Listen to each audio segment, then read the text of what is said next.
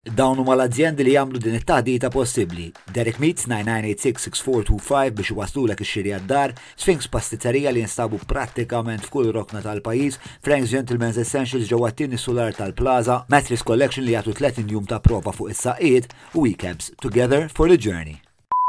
Were you the closest ally your mother had at the time? the full force of the government coming down on my mother. At the time, I really felt as though we were in a bunker. She was completely isolated. What did Joseph Muscat do? Attack me, attack my mother, attack ICIJ, attack the journalists reporting on the Panama Papers. How pathetic do you have to be? To me, he was responsible for creating the situation that led to my mother's murder.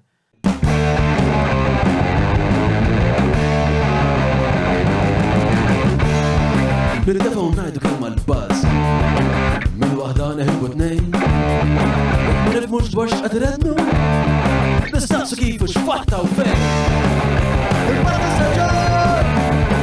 Fuq il-Parad Istaġġar! Mela, tlaqna. Mela, eh, grazzi tal-li naqattu maħna l-episodju juħor tal-podcast tana.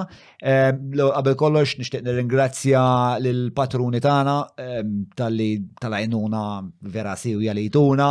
Ehm, illum fil-fatt f'mana fl-istudio għandna lil Massimo għax bħal ma tafu kull ġimgħa jiġwet mill-patruni magħna biex jara t-taħdida live. Nfakkarkom patreon.com forward slash ġomma li qed idu jsiru parti mill-komunità, però jekk forsi il-Patreon ma jappellax daqshekk għalikom forsi mitlomx daqshekk familjari għalkemm huwa pjuttost faċli u hemm eh, ħafna ħafna ħafna vantaġġi u benefiċċi meta tingħaqad mal-Patreon. Hemm ukoll eh, il-YouTube eh, subscribe, u xejn bon, YouTube subscribe. Join, YouTube join, it's close enough. Eh, L-axar mux l-inqas fit-ċert, eh, ħajr l-main sponsors ta' dan l-episodju li huma Derek Meats u l-Sphinx, Xana Dru, Xana Vino. Em, Illum, s-soltu namel naqta introduzzjoni spiex ta' dwar il- dwar il-mistiden, il-mistiden bla bla zaġerzjoni ta' xejn mandu bżon ebda introduzzjoni. Mana lejla għanna l-Matthew Caruana Galizia. Good evening, Matt. Good evening, John. How's it going, man? Well, as good as can be, I guess. You you look somewhat um, not tired, but like you've had it. It was a long day. It's been a long five years. It's been mm, yeah, yeah, Yeah. yeah, yeah, yeah. And um, what was your day like today? Let's let's try to contextualize in like the last twenty four hours. Well, about three years ago, my family and I set up a foundation named after my mom, the Daphne Caruana Galizia Foundation. And we have lots of different projects. The Public Interest Litigation Network that fights for the human rights of victims of, of well, human rights abuse in Malta. And the Malta Investigative Journalism Center, which supports investigative journalism in the country. We have some international projects too. We're making it a little bit harder for the wealthy owners of private companies to sue journalists to stop them writing about them. How do you do that? What's the what's the tools? At the moment, it's very easy for someone with a lot of money to sue journalists into silence. And they can do this even if they have absolutely no case, even if they have absolutely no evidence that the journalist is lying or seeking to defame them. Because the costs for a journalist to defend their articles once published are so high that most of them just give up. They either delete the report or change it, or they even leave journalism altogether because they just want don't want to deal with all the lawsuits. And this is not because they're not doing their job properly. is the opposite. In fact, they're getting sued because they're doing their job properly, because they're uncovering evidence of crime and corruption. At a point, I think your your mother was going through this as well. I remember uh, reading, um, well, things that your mother wrote about uh, Joseph Muscat and Owen Bonnici and this big London law firm whose name escapes me. That were and and also Henley was involved in this, no, Uh, and they were attempting to do precisely this. In the last two years of her life, my mother was having to dedicate a large proportion of her time, which she shouldn't have had to dedicate to this, to fighting off defamation suits. And again, it wasn't because she was doing her job properly, it was because she was too effective, because she was doing her job too well. She was uncovering too much dirt. I say too much for the people whom she was investigating. And their first weapon of choice, I guess you could call it that, was the vexatious defamation lawsuit. Filing lawsuit after lawsuit against my mother. And even though some of them, they, even though they were filed by different people, all of these people were working together. This is what we uncovered after my mother's murder. They were all coordinating their defamation suits to mount the pressure against her. And was it just uh, locally, of course, that was happening? Was it because what I was referring to was things that they wanted to kind of uh, do abroad as well, which appeared to be somehow a bit more sinister and a bit perhaps more devastating had they had they gone into fruition. Of course, I mean, with some of the defamation suits, there was a clear quid pro quo where um, a private company would sue my mother for defamation or threaten to sue her for defamation. And in return, they would get some favor from the then Prime Minister, Joseph Muscat. Oh wow! And these are local companies.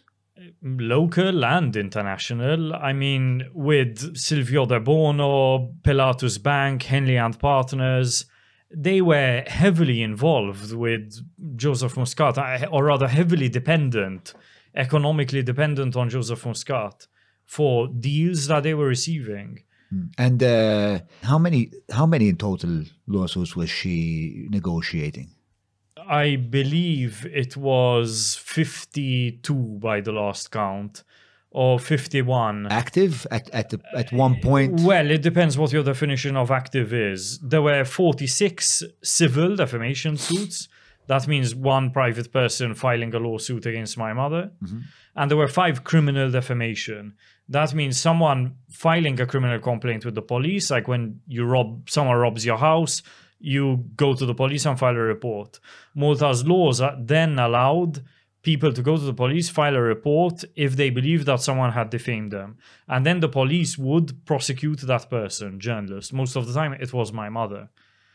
And in fact, when it was Owen Bonnici at the time made a proposal for the law to be changed to eliminate criminal defamation, he included an exception that all ongoing cases would continue. It would oh. only be future criminal defamation cases that would be allowed. Who were the defamation cases, criminal defamation cases ongoing against at the time? My mother. It, were they the absolute majority? They were the absolute majority. There was perhaps one other, but here we had a case where the law was specifically being designed Yeah, yeah, yeah. to target and isolate one specific gender. Yeah, that's why I asked if it was like ma- ma- in the majority against your mother, because obviously there was a It was a- the an vast interest too. There was a, there, there was there was an, an obvious an obvious interest. So when you say there was fifty two um, active suits uh, or fifty two suits, are these we're talking fifty two suits at one go, or in the history of your mother's? Uh, No, know, that were active at the time. Jesus There were some that had dated back to 1999, I believe, And- and where the last sitting was in 2001, for example. But they were still pending. like how much time did your mother spend in court? It was only t- towards the last two years of her life that she ended up spending a lot of time in court, because that's when they really accelerated, especially after the publication of the Panama Papers. Hmm, hmm, hmm, so obviously she was making things, uh, you know, very intense for them. So they were trying to, well, I guess, make things intense and difficult for her as well. The and try to government- dissuade her. the government of Joseph Muscat had used many tools to target my mother and other journalists who were reporting on the same matters. Harassment using broadcast propaganda, using one TV, using one radio, using its newspapers, using the General Workers Union, worker, workers unions newspapers and online media and Facebook pages, using government communications, using, for example, the Department of Information's press release, actually issuing press releases condemning my mother, um, and using How strange. About what, what would they condemn them about? Condemn your mother about? The DOI I'm talking about. they would allege that my mother was uh, a hate blogger. This is the one that I I remember the most. There was actually a press press release from the Department of Information issued on the instruction of Keith Schembri, calling my mother a hate blogger. Oh wow, uh, that's that's weaponizing like one of the state's assets, which are supposed to be ours. And There was no distinction under Joseph Muscat between the assets of the state and the private property of Keith Schembri, Joseph Muscat, and Konrad Mizzi. I was really not aware with this with this press release because something as like almost not sterile, like, like the DOI should just give you very objective information, no? Like maybe uh, I don't know part of like the Boring, president. Yeah, it should be boring and sterile and, and kind of like uh, this happened today. You know, the president met the president of Bulgaria, whatever. They exchanged uh, gifts. They discussed I don't know exporting Onella or whatever, but apparently it became subjective, which is a weird thing for the DOI to be peddling in. it didn't just become subjective, it was turned into a weapon used against journalists. Yeah, you you know what I'm curious about though. Uh, so what are you, what is the foundation doing in order to limit the damage that people that would want to pursue kind of this course of action against journalists? Well, there's the active stuff that we do, for example, or reactive, you could call it, when journalists are threatened, when they're being harassed, using lawsuits, online harassment, whatever. We react to that by offering support, advice. What what kind of support? Legal support is the most important because most journalists don't earn enough money to spend it on a full-time lawyer who is fighting off libel cases. Mm, mm, mm. So, as a sort of first aid, as an element of first aid, what we're doing is providing this legal support. But we also have long term advocacy goals. So, the foundation isn't, I mean, I'm not going to be around forever. And there's a limit to to how much we can do to fight off individual v- libel cases. So what we want to do is change the situation long term, make it much harder for vexatious libel cases to be used to intimidate journalists into silence. This is one of the advocacy goals of the foundation. And that's for local journalists or journalists anywhere around the world having this type of um, problems. We're part of a global campaign. We work with Greenpeace, Global Witness, Reporters Without Borders, the Committee to Protect Journalists. It's it's really a global campaign to end this this use of the law to harass journalists. And what we're aiming for in in our specific case is a directive but from the European Commission that will protect journalists from defama- from vexatious defamation across Europe, not how, just in how Malta. close are we to that? I would say that after three years of campaigning, we've made a huge amount of progress. We started out with no one in the European Commission listening to us.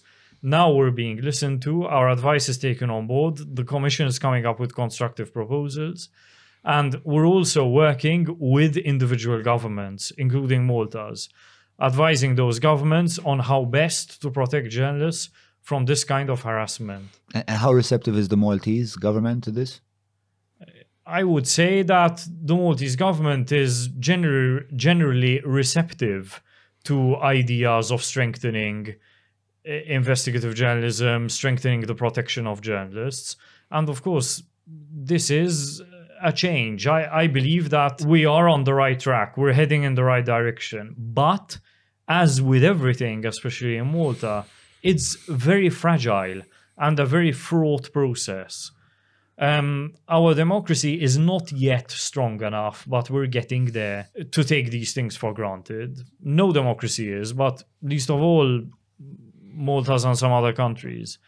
Um, so we really need to guide this this process. Yeah, what always um, shocks me about when I when I speak to you is um, how much more optimistic than me you are. So that you have a, an extremely not extremely positive outlook, but you have a far more positive outlook. And and every time I talk to you, uh, it, it helps me be a bit less uh, of a fatalist. What I, the way I look at it is, look what a small group of people it took to destroy our country. How many people does it boil down to? Fewer than 10 who are really at the at the center of all of the damage that has been done to Malta. So for the interests of such a small group of people, we have destroyed our country. And now we're picking up the pieces. So if those 10 or fewer people can do so much damage, after all, it's not you, it's not me, it's not the people in the studio who wanted our power sector to be privatized, who wanted our hospitals to be privatized, who wanted companies in Panama, bank accounts in Dubai, the sale of passports, and so on. No one, literally, no one, apart from this small group of people, asked for that. So, if it takes such a tiny group of people to again destroy our country in this way for their own private interest, with 20 people, 25 people, 30 people, 50 people, not only can we undo that damage, but we can also make sure that it never happens again. And make our democracy more resilient. Uh, yeah. That requires cultural change. But again, I think that that is something that can be accomplished. Okay, so so let's go start the conversation, but I, I would like to kind of take the conversation back to um, the point where you kind of took center stage in all of this um, when you know when when there was the whole Panama Papers affair and and and you know we started learning things about our our, our politicians that we had no idea. Um, like I was really not familiar with the concept of a shell company, for example. It was really complicated. Like when I had done a video about like trying to explain the Panama paper thing, like until I wrapped my head around it, like I used to stay up like till four in the morning trying to figure this whole thing out. Um, but anyway, point being that um, you were like dead in the epicenter of all this because you were part of the ICIJ. You were you were like, how did you experience before the leak actually happened? Before wh- when you guys were sitting on this trove of information that was, I mean, was it was it a new? Was it something uh, that was like a pioneering exercise, or was this thing happening before, but we only f- figured out it happens in Malta because Maltese people were implied, were implicated? I mean, there have been leaks of documents before Of that, have- proportion? Of that magnitude, no, definitely not. At a point, I think there were around 500 journalists working on the working on the investigation all over the world malaysia lesotho japan whatever. It in, it involved journalists from almost every country in the world. Well, and the amount of information the amount of data was something that i believe no organization that does any kind of journalism had ever dealt with before. But of course it was pure serendipity that um, we happened to catch Schembri and Konrad Mizzi with their pants down that was not something anyone can ever plan for and and were you? Uh, so how early on in this investigation, investigative exercise, were you involved? I, I'm imagining since there were people like involved in Lesotho and Malaysia and so forth, like they came on board later when I, ICIJ realized, oh my god, there's so much information here. We have to pour through all these documents. We're going to need support. We had already done uh, three or four big investigations before this one. And with the first one, I remember it was a decent sized investigation in 2013.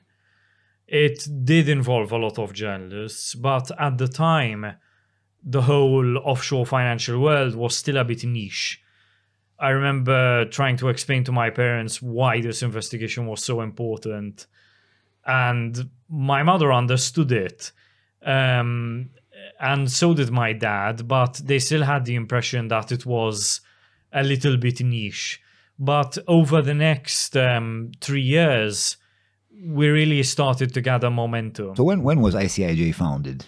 It was founded more than a decade ago i mean long before i joined Okay. um, what happened was that around the time I started working for ICIJ, a new director came along who really revolutionized the way the, the organization works, um, using data and software engineers to get information out of that data. This made it a huge success.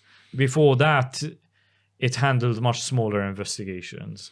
What was your role at the ICIJ? What what was your function there? I was a software engineer. I mean, I was doing what I had been doing since I was 16 years old. Um, except that because I was my mother's son and I grew up in the world of journalism, uh, I loved journalism. I wanted to do something for journalism. But I knew I would never make a good reporter. I Why- knew why I not? didn't have that skill set. What what what's lacking? I write slowly. Um, I don't like press conferences. Well, I don't believe anyone does. You don't like Um, asking questions at press conferences or I'm kind of insubordinate, and I don't, I don't, I don't like sitting there listening to someone talk a load of BS. I, I just can't take it. I don't have that patience.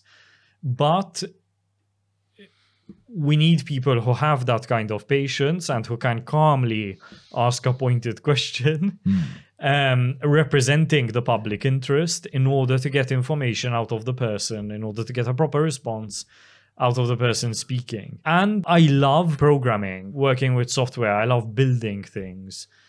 Um, so it was purely by accident. so I just combined the two things. So- so- At so- the time, people thought it was a bit strange and they felt like they had no use for me.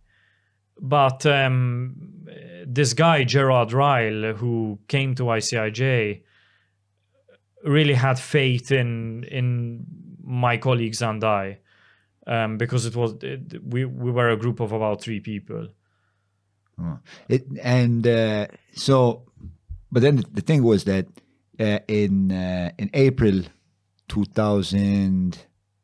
2016, the yeah, the- it was the April 2016, I'm 3rd terrible April that they Yeah. were published. They were published, but before that, in February, I don't know, like, February 2017 was when my mom published her first blog post about the Panama Papers. the one with the sheep, right? Exactly. and tell, it's talking about Easter. She, the writing there is fucking great.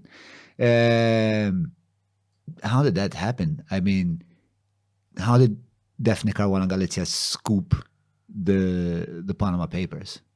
My mother had her own sources. Of course, I did speak to my mother to find out what was happening in Malta.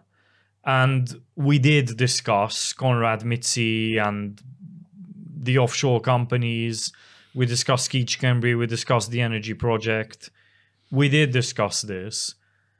But what really took me by surprise was um, the number and strength of my mother's sources at the time. I knew she had good sources, but she knew about things even before I knew about them at ICIJ. And she had access to documents before I had even begun processing them Wow. To this day, I'm still not 100% certain about how this happened, but I mean, I can take a guess, which is that she did have her own sources in Malta and outside Malta. And she was, let's just say, building upon the, the work of the journalists at ICIJ and taking those documents that came from the Panama Papers, that information that came from the Panama Papers, and turning it into a really massive investigation that involved the highest levels of government in Malta Yeah. and beyond, actually, and Azerbaijan. Because she had a leak from a leak. The situation in Malta was really desperate. I mean, my mother was 100% right when she said that. But we didn't know. I mean, up until that time, did we really know how desperate it was? I mean, but but around that time, I don't know if you recall, like what we were concerned about, like was uh, the the the the place in Żonqor, the AUM. We were concerned about uh, the, the the Cafe Cordina thing. No, Cafe Premier. Sorry, I don't want. I don't don't no defamation suits, please. Uh, give me a card. We'll bro. I- protect I'm you. gonna need a card. Um. So yeah, Cafe Premier, and those seemed like, oh my god, like these guys are already in power and now they're doing this shit, and and it was like. We, we already had uh, some trepidation about the whole thing, and we're very concerned. We didn't know how severe and how grave things were up until now we're hearing about like all this this international web and Pilatus and so on and so forth. But before we before we get there, how did you guys live with that? I mean, of course you knew that uh, you had this this trove of information that's that should change the face of the political landscape of, of the country. So you know you know you're sitting on uh, on information that should make the the Maltese people kind of realize who they're being governed by. Uh, how how did you live that moment before actually releasing it? I've said this before that the moment we pressed publish on 3rd April 2016, I honestly believed that the government was going to collapse. But it didn't. It went on the offensive. And that immediately sealed my impression that Joseph Muscat was aware of the corruption from the beginning, condoned it, enabled it, facilitated it, profited from it. It sealed that impression 100% because eh, a prime minister who was not involved in that corruption, who did not agree to it, did not come up with the plan, did not condone the plan, whatever, wasn't the ringleader, would have fired the people involved immediately. What did Joseph Muscat do? He empowered and Konrad Mizzi to attack me, attack my mother, attack ICIJ, attack the journalists reporting on the Panama Papers. He kept them in government, continued to reward them with unlimited power, did not stop their involvement in private public partnerships. So, this signaled to me that, yes, Joseph Muscat condoned this corrupt scheme, these corrupt schemes, enabled it, facilitated it. And it was in some way part of it, perhaps. Yes, he was a part of it. Uh, it might be that Joseph Muscat did not want money as a reward, he wanted power or he wanted something else. But yes, um, there was a quid pro quo. This is obvious. Otherwise, he would not have defended the people involved to such a degree, even going so far as to defend the accountants involved. How pathetic do you have to be? He arranged for Brian Tonna to get a permanent job at the Ministry of Justice. I mean, what what does that say to everyone? If Joseph Muscat, Why the prime minister of this that? country, was going so far as to protect the accountant involved in these corrupt deals, involved in these corrupt offshore structures. So, uh, Brian, we're talking about Brian Tonna here. Yes, we're talking about Brian. Uh, so uh, Brian Tonna was given a so post the Panama Papers leak. Brian Tonna was given a permanent post at the Ministry of Justice. Thomson Reuters and the Times of Malta revealed that Brian Tonna had an official position and was receiving a salary for a no-show job. That means he never turned up for work at the Ministry of Justice, exactly like Melvin Theuma's job at the Office of the Prime Minister. Why do you think? Uh, why do you think Joseph Muscat would was, was? First of all, was it Joseph Muscat's choice to Sorry, not at the Office of the Prime Minister. at At the Ministry of Justice? Melvin Theuma's job was, Was at the Department of of. Housing or something like that. I can't Yes, remember. Melvin, Melvin Theuma was, I, I think, housing. I think, I think, yeah, you want to check that out. Public housing, but, but Brian Tonna was like the that. Justice Ministry. Yeah. Exactly, exactly. for a remuneration, remuneration I, can't, I can never say that word, uh, of approximately 5,000 euros remuneration, remuneration, 5,000 euros per month for doing fuck all, not bad. Um, and why, Not for doing fuck all, for continuing to protect Konrad Mizzi and Schembri and Joseph Muscat. That's what he was being paid to do. and who was uh, making the choice to employ Tonna? I mean, was it the three of them? Like, or is it something that we're really not too sure of, like who the ringleader is, who's calling the shots here? At the time, the Minister of Justice was Owen Bonnici. But Owen Bonnici is a person who is and always will be subservient um, to Joseph Muscat. And the chain of command in in that case of Brian Tonna was Joseph Muscat and Keith Schembri ordering Owen Bonnici to hire Brian Tonna. It was very obvious. Owen Bonnici himself had no interest whatsoever in hiring Brian Tonna, had absolutely no use for him, could give no justifiable explanation for hiring Brian Tonna. Hmm. It's very obvious that the, the order came from the office of the prime minister. But given they were so, I mean, 5,000 euros a month, I mean, for me sounds like very decent money.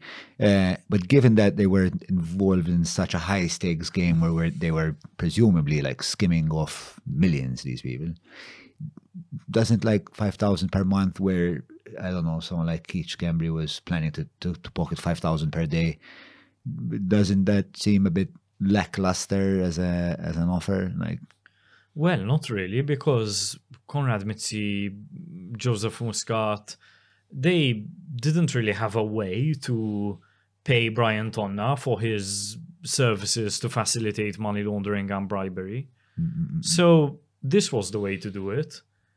And even if 50,000 euros might seem like a little money to you, it's in the context of 5,000 a day, let's make it. Yes, of course. It's much easier to pay off a service provider like Brian Tonna uh, using these sort of packages of payments 50,000 euros from this job, another 10,000 euros from that other job, another 20,000 from that, 100,000 from that. Mm, mm, mm. And together this adds up to 500,000, 1 million. And um so, so once the Panama Papers were were released, and, and we've we learned everything we needed to learn about Mossack Fonseca. By your estimation, were the plans of these people foiled, or did they have uh, networks that that expanded far beyond the the realm of Mossack Fonseca, Panama, and so on and so forth? I believe that the the plans of the people involved were not completely foiled. They were readjusted. So many of the deals from which And Keith Schembri and Joseph Muscat, I believe, were to were to personally, privately profit off the back of the public. Um, had already been done by the by the time the, the Panama Papers were published. A certain readjustment to the way that those deals and future deals were carried forward had to be made in order for them to reap their the rewards for facilitating those deals. So, of course, this is where the watches, the expensive bottles of wine, the unexplained holidays, trips to Miami and Las Vegas and wherever, th- this is where these gifts come in. Um, but of course, there are possibly other ways of paying off the people involved that we do not yet know about.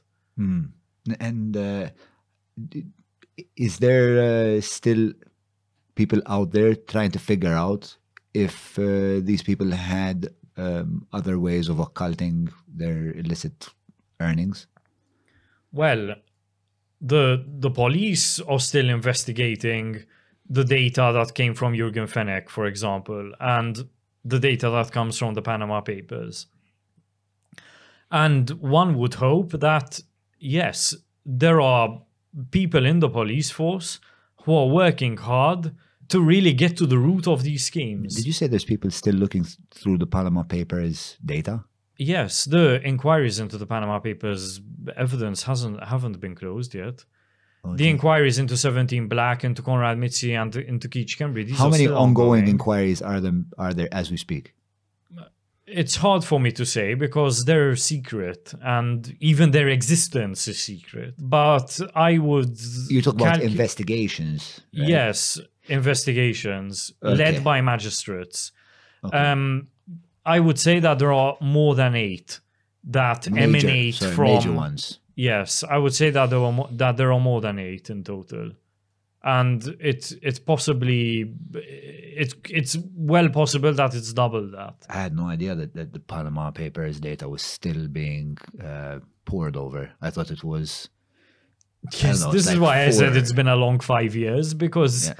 I I calculate from the date that we started investigating the Panama Papers. It's more than five years actually, beginning of 2015. Uh, We're gonna get to the shortcomings of the the justice system later, and, and like how you how you perceive it. Um, but before that, let's kind of continue with the story. Um, with the story from from that that let's say era. Um, So, you know, after the Panama Papers, things started getting very heated, very intense. And then um, following, you know, the Karl Cini email leaks and everything else, then we go to E-Grant. How do you how do you factor E-Grant in the, into the whole story from a strategic standpoint? Like, I think the way, personally, I think the way E-Grant was used was a strategic mistake. Like if we were playing chess, that would have not been the move that I I would have made, perhaps in hindsight. How do you perceive E-Grant? I mean, the job of journalists is not to think about political strategy or or any of this. It's to work towards finding the truth. And this is what my mother was doing. She didn't think about partisan strategy. And you could see this, especially in the last year of her life, where she was completely isolated. Um, you could say that perhaps reporting on Adrian Delia and his involvement in a money laundering scheme around a brothel in London was not the best thing to do strategically. But that wasn't my mother's job to think about that. She wasn't a politician, she wasn't an activist. She was a journalist. And if information came to her about the involvement of a senior politician in money laundering and organized crime, she had an obligation to investigate and report. I, I say I say strategic mistake, not even from a political standpoint, even though from from a political standpoint, I think there are there are strategic issues there. I just felt like what we knew about the the, the, the, the Panama Papers, like the Karl Cini emails, it was like airtight, and not just that, it was well, beautiful is not the right term to use, but uh, you know, you would watch Conor Mitchell first, first completely denying it, and then being completely on the back foot, and now obviously he's like a for sure you're a liar, bro. Like like we're gonna discredit everything you say if moving forward. Like we're not gonna trust you with anything. Um, but with with E Grant, I felt like the evidence hinged on uh, you know uh, on you had Efimova, which no one really knew anything about. You had transcripts of emails rather than the emails themselves. Whereas with the with the with you know Karl Cini trying to open the bank account, for example, Karl Cini never came out saying denying that it was him behind that keyboard and it was him saying I need to talk to you on Skype about this this third guy. And I just felt like um, in an environment, in a in a in a narrative environment where people just love to cause chaos, like evildoers love to cause chaos, right? Like they love, love to throw flack into the narrative, and in fact, I feel like my job is mostly to try to like sort out the bits and pieces and create some a little bit of clarity. Um, I felt like E Grant perhaps afforded people to uh, an, opportunity to create noise around that, you know, like starting this by discrediting Efimova, and then like we didn't find the safe, and now we're questioning everything. All of a sudden, we're now questioning everything else that we had airtight evidence about. One, if you have a government which is hostile to journalists, to activists, hostile to the truth, hostile to efforts to fight organized crime and corruption, it does not matter how airtight evidence is. This is a real lesson for us. It simply doesn't matter. It becomes an academic question. Mm, mm, mm. So we need to first avoid that situation in the first place where you have a government that is so hostile. The moment that you see a politician, an entire government, a single civil servant behaving in this way, demonstrating complete contempt for journalists, encouraging people to harass them, encouraging people to attack them, you have to stand up, pay attention, call it out, fight it, ask for their resignation, whatever it takes to make sure that they can't take it further and create the climate of impunity that the public inquiry has called out. Mawra salħadnu ta' Derek mux tranzazzjoni kif ġibu laħa. Il-legat tagħhom jagħmel mixxirja tiegħek esperjenza sħiħa fejn apparti tinqeda blifjen kwalità se tiġi mejjun sabiex issawar l-arfin tiegħek dwar dak li qed u titma' l-familtek. Biss jekk m'għandekx il-ħin ta' disa fejnhom il-belt, ibad WhatsApp li Derek fuq 9986-6425 biex waslulek ix-xirja fuq l-adba. But in the context of uh, a, a regime that was obviously not going to uh, support any of the, the, the, the things that you're calling for, um, what was your next, or, okay, no, actually, let me ask a different question. In this time of turmoil, how uh, close was communication between yourself and your mother? by that point, it had become a really urgent situation. It's it's very difficult to describe, and I felt like we were being attacked from all fronts. I mean, Konrad Mizzi was paying a law firm in London Schillings at a cost of 500 euros per letter to write to my employer, persuading them to fire me. Um, not that they were ever going to do that, but I really felt like everyone was attacking us, especially attacking my mother. She was bearing the brunt of everything. And even anyone who dared take up anything my mother reported and call for action to be taken, for example, Simon, Simon guns were then turned on that person. So the message to the public was don't you dare speak up about corruption. Don't you dare speak up about bribery. How does that feel to see your mother besieged? It was horrible. I mean, it's something that I still see every day, so it hasn't really changed that much. Um, I guess what's different is that my mother is now held up as an example at, at a European level. And that helps neutralize some of the stuff that I still see in Malta. But at the time, I mean, I really felt as though we were in a bunker. And the full force of the government was coming down on my mother. And anyone who dared show any kind of direct or indirect support for her. How- What was it like in that metaphoric bunker? Was it was there was there fear? Was there ever fear? Not really, because uh, I mean, there was fear that really, I mean, we might end up having to spend the rest of our lives fighting off lawsuits and uh, attempts to financially cripple my mother. And this was obviously not something I wanted for her. But uh, to me, the greatest fear at the time was that there would never be justice for the corruption that we were investigating. Two, fearing that there would never be justice, not just for the corruption, but also for the murder of my mother. I believe, looking back, that was the greatest motivator for us to document what was being done, what had been done. Obviously, you were a close ally to your. Were you the closest ally your mother had at the time? I was helping my mother, but she had a very large network of sources. So it's hard for me to make that value judgment. I guess my mother always considered her family to be her closest allies. So you could say that.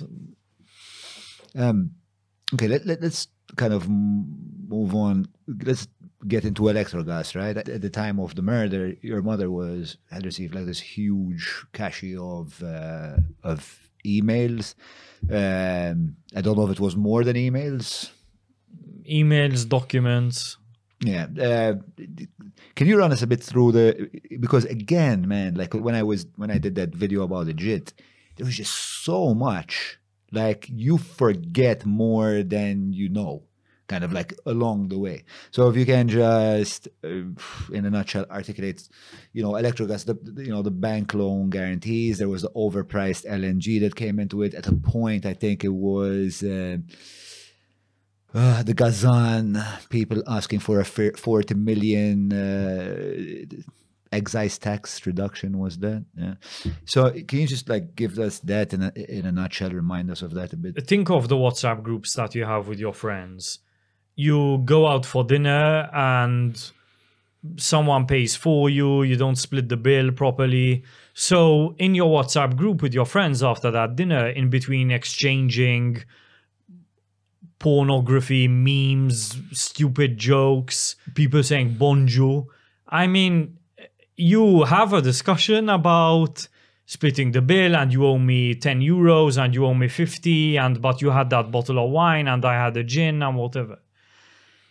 Imagine that, except instead of 10 euros for a drink, 20 euros for a bottle of wine, 50 euros for rabbit and pasta whatever, they're talking about 500 million euros for a hospital, 100 million euros for a tanker full of gas, 10 million euros for these passports, 50 million for some other real estate deal 100 million for the ITS site.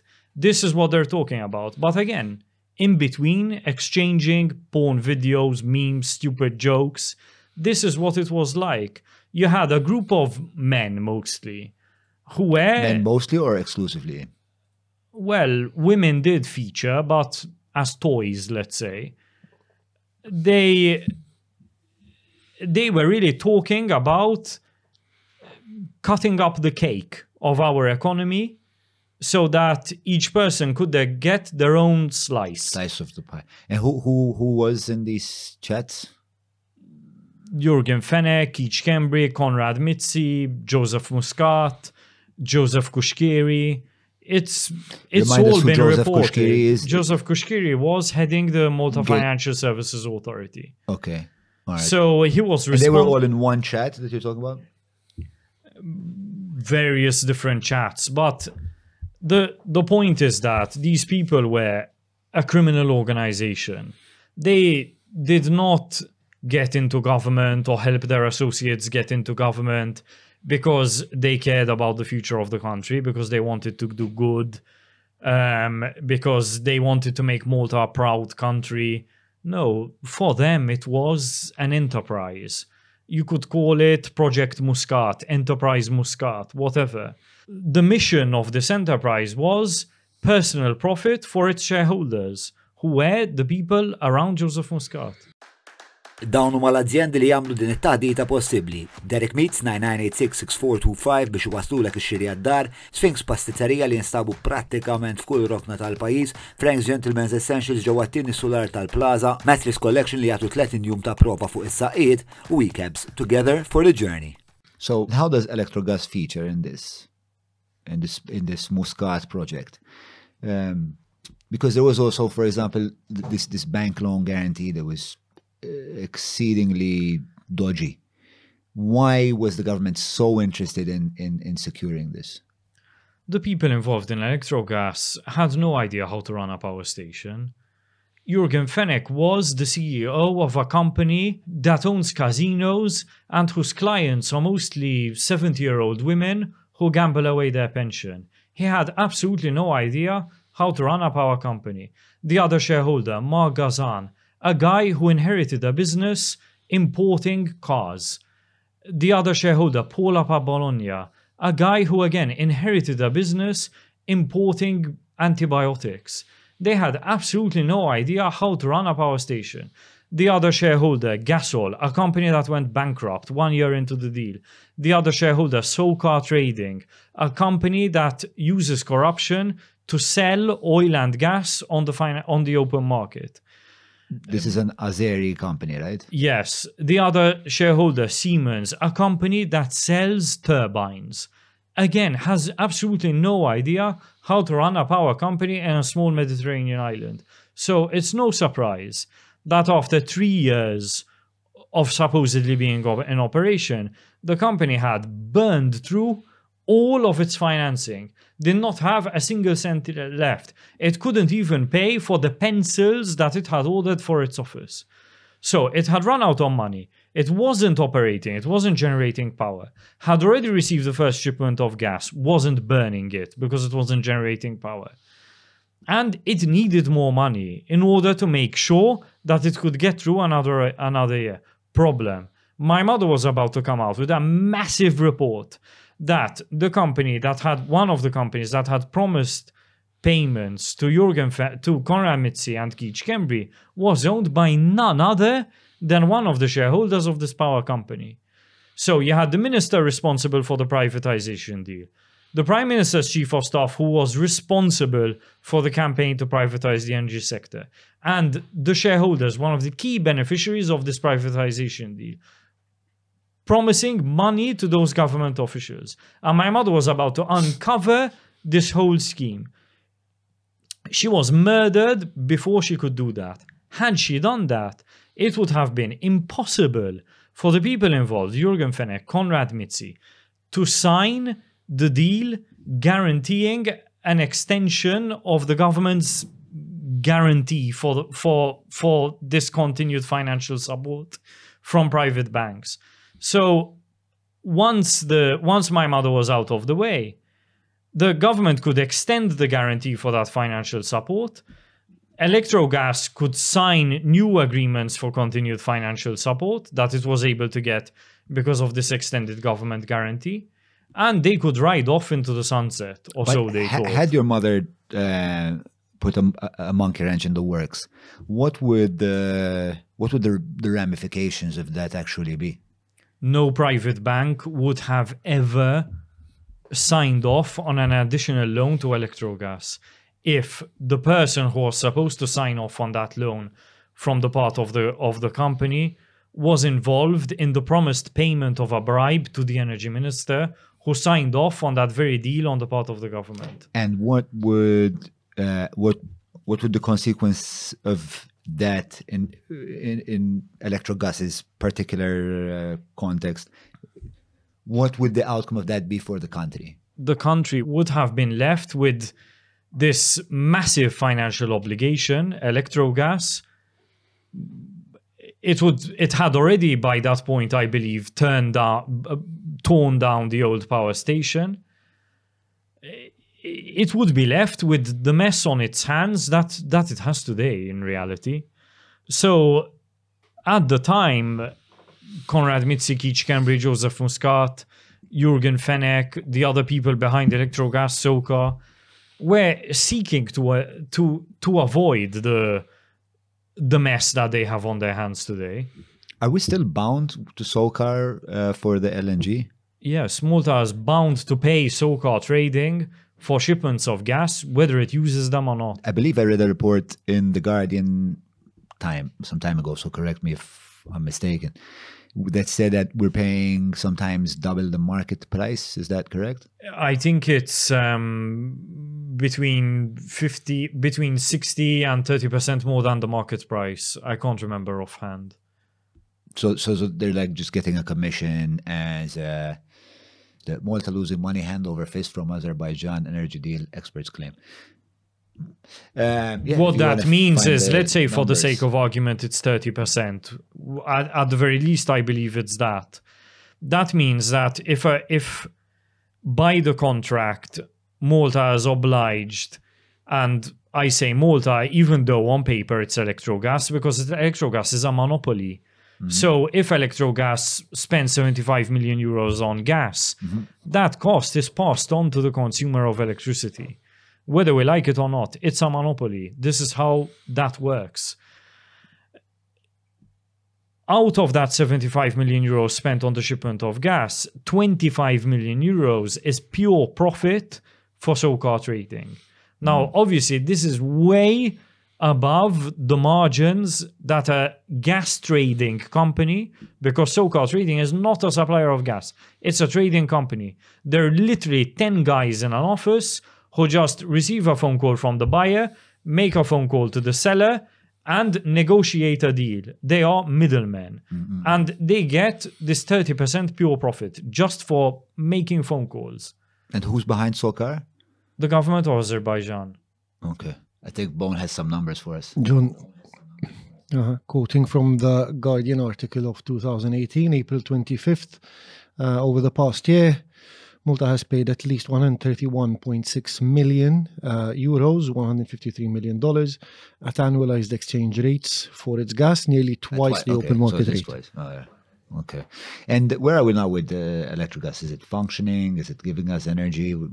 Are we using it? Are we still dependent on the? I mean, we, I know we use the interconnector, but how viable was it? the National Audit Office found that Electrogas is producing electricity at way above the rate that which Malta could be buying it from the interconnector with Sicily.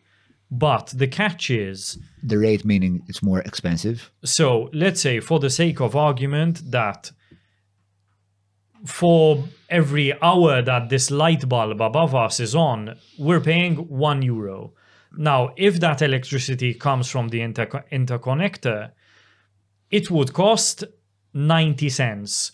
But because it comes from electrogas it costs 1 euro. So there's a 10% difference it actually ranges, I believe, between something like 10 and 30%. So it fluctuates depending on the market rates. But the point is that with all the light bulbs that are on in the country, with all the people who are using their computers, air conditioners, whatever, the difference, or let's say the what we're being overcharged for electricity adds up to hundreds of millions of euros over the long term. And this is money that the Maltese economy is losing forever because it is not being kept in the country. It is going to Azerbaijan. It is going to Siemens. It is going to SOCAR. This extra 10%, that comes from the fact that uh, we're, okay, so we've established that we're overpaying for the LNG. Are we overpaying elsewhere? Are we being uh, charged too much for, let's say, operations or, I don't know, the, the tanker that's, that's bringing in the LNG? Where are these? Uh, Any Excesses. cost that Electrogas incurs, because it's a monopoly, is passed on to the Maltese public. So even though as Elec- Electrogas is a private company, the Maltese government signed a deal via Enemalta that obliges it to buy a fixed minimum amount of electricity every year from Electrogas. So even if it is cheaper for the for Malta to get electricity from the interconnector with Sicily, we bound ourselves contractually. Let's play a game whereby we pretend that it wasn't that, that corruption wasn't the prime motivator behind us uh, contractually obliging ourselves to buy this from. What other reasons could there have been for what? for us buying uh, for us obliging ourselves contractually with SOCAR to buy uh, LNG for 18 years, whether we use it or not? is there is there an advantage, a commercial advantage, perhaps a logistical advantage, perhaps that is that is not uh, kind of informed by the in some extreme situations getting yourself into this um, getting yourself into this kind of deal can be a good thing but that is only in extreme situations where the the market price of gas suddenly goes up by a huge amount that rarely ever occurs. So it is only in these really, really extreme edge cases that this deal makes sense. But it only makes sense for a very short amount of time, not for the 15 years which we are bound to this agreement.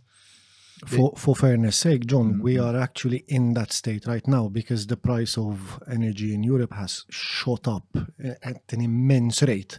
for oil, Correct. In fact, um, but but this is not oil. eh? This is te- LNG. which Lele, is- tent, uh, all energy has, from all sources, the, the price of energy has shot up.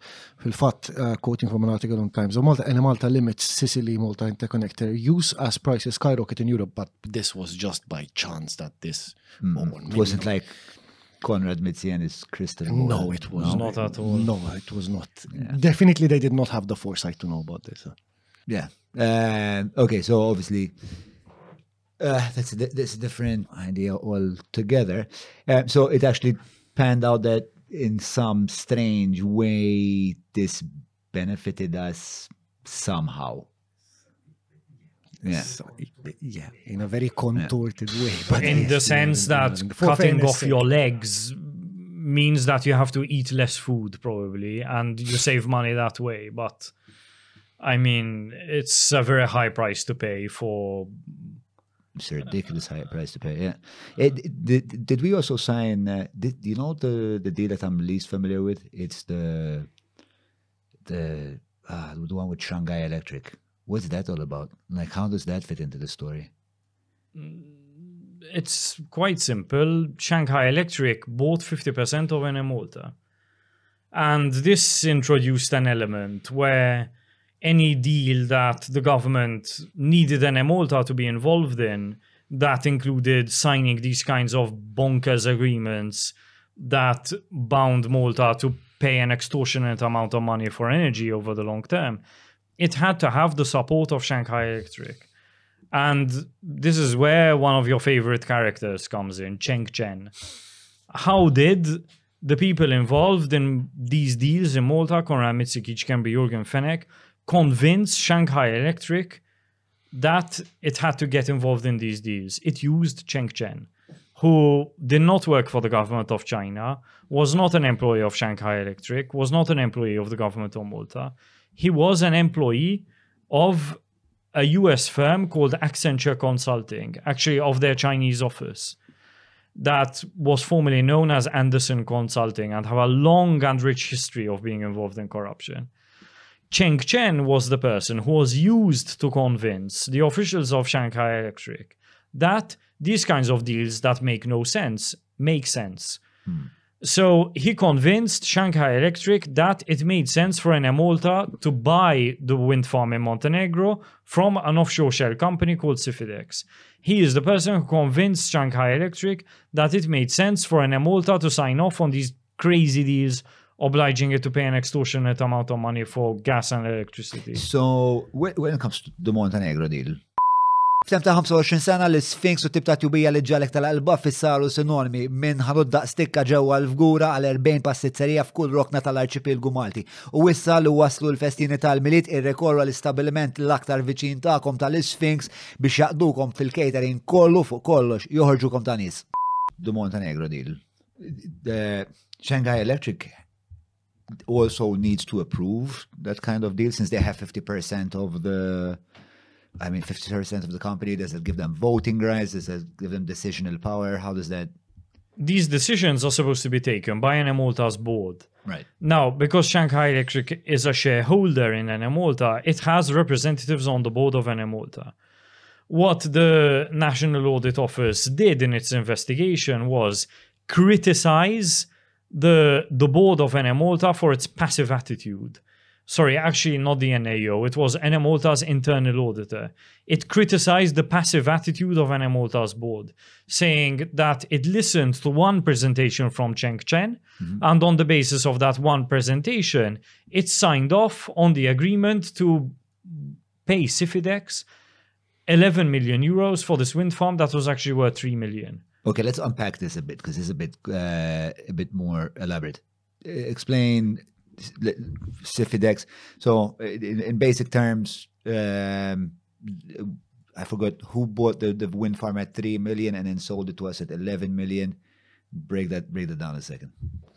Imagine, I mean, you have a friend who needs a car, and um, you you tell your friend, "Look, you you should really buy this car. It's three years old. It's in really great condition." Um, but you have to buy it from from this guy. So you can't just go out and look for that specific model of car from any seller you find and shop around for prices. No, you have to buy that specific car from this specific person that I'm going to put you in contact with. And you're going to have to pay 10,000 euros for it. What your friend doesn't know is that you've actually paid 3 million euros for that car and you're going to t- sorry you, ah, 3,000 I euros for fucked the up car? the metaphor here yes yes no no yeah, but you're going to take a 70% profit on the sale Yeah. of this car. So you're cheating your friend. Now, this is what Cheng Chen was doing. So he was aware that Cifidex had not even bought this wind farm in Montenegro yet, but if he could convince the board of Enemalta to agree to paying 11 million euros for this wind farm, Cifidex would then go to Montenegro, buy this wind farm for 3 million euros, and then sell it to Enemalta for the agreed price of 11 million euros. Okay. Now, who's Cifidex really, and how did Cifidex get its money and everything else? Cifidex is really, we seem to have found out, controlled by one of the directors of Electrogas, Turab Musayev. He's from Azerbaijan. He was a close associate of Yorgen Fenech. And yes, he seems to have controlled Cifidex. So he, via Yorgen Fenech, used this relationship with the Maltese government to again persuade not just Enemalta, but also the office of the Prime Minister that it made sense to overpay by almost 80% for this wind farm in Montenegro. And how does Yorgen Fenech come into this? Yorgen Fenech, the evidence shows, made a payment of 3 million euros to Cifidex.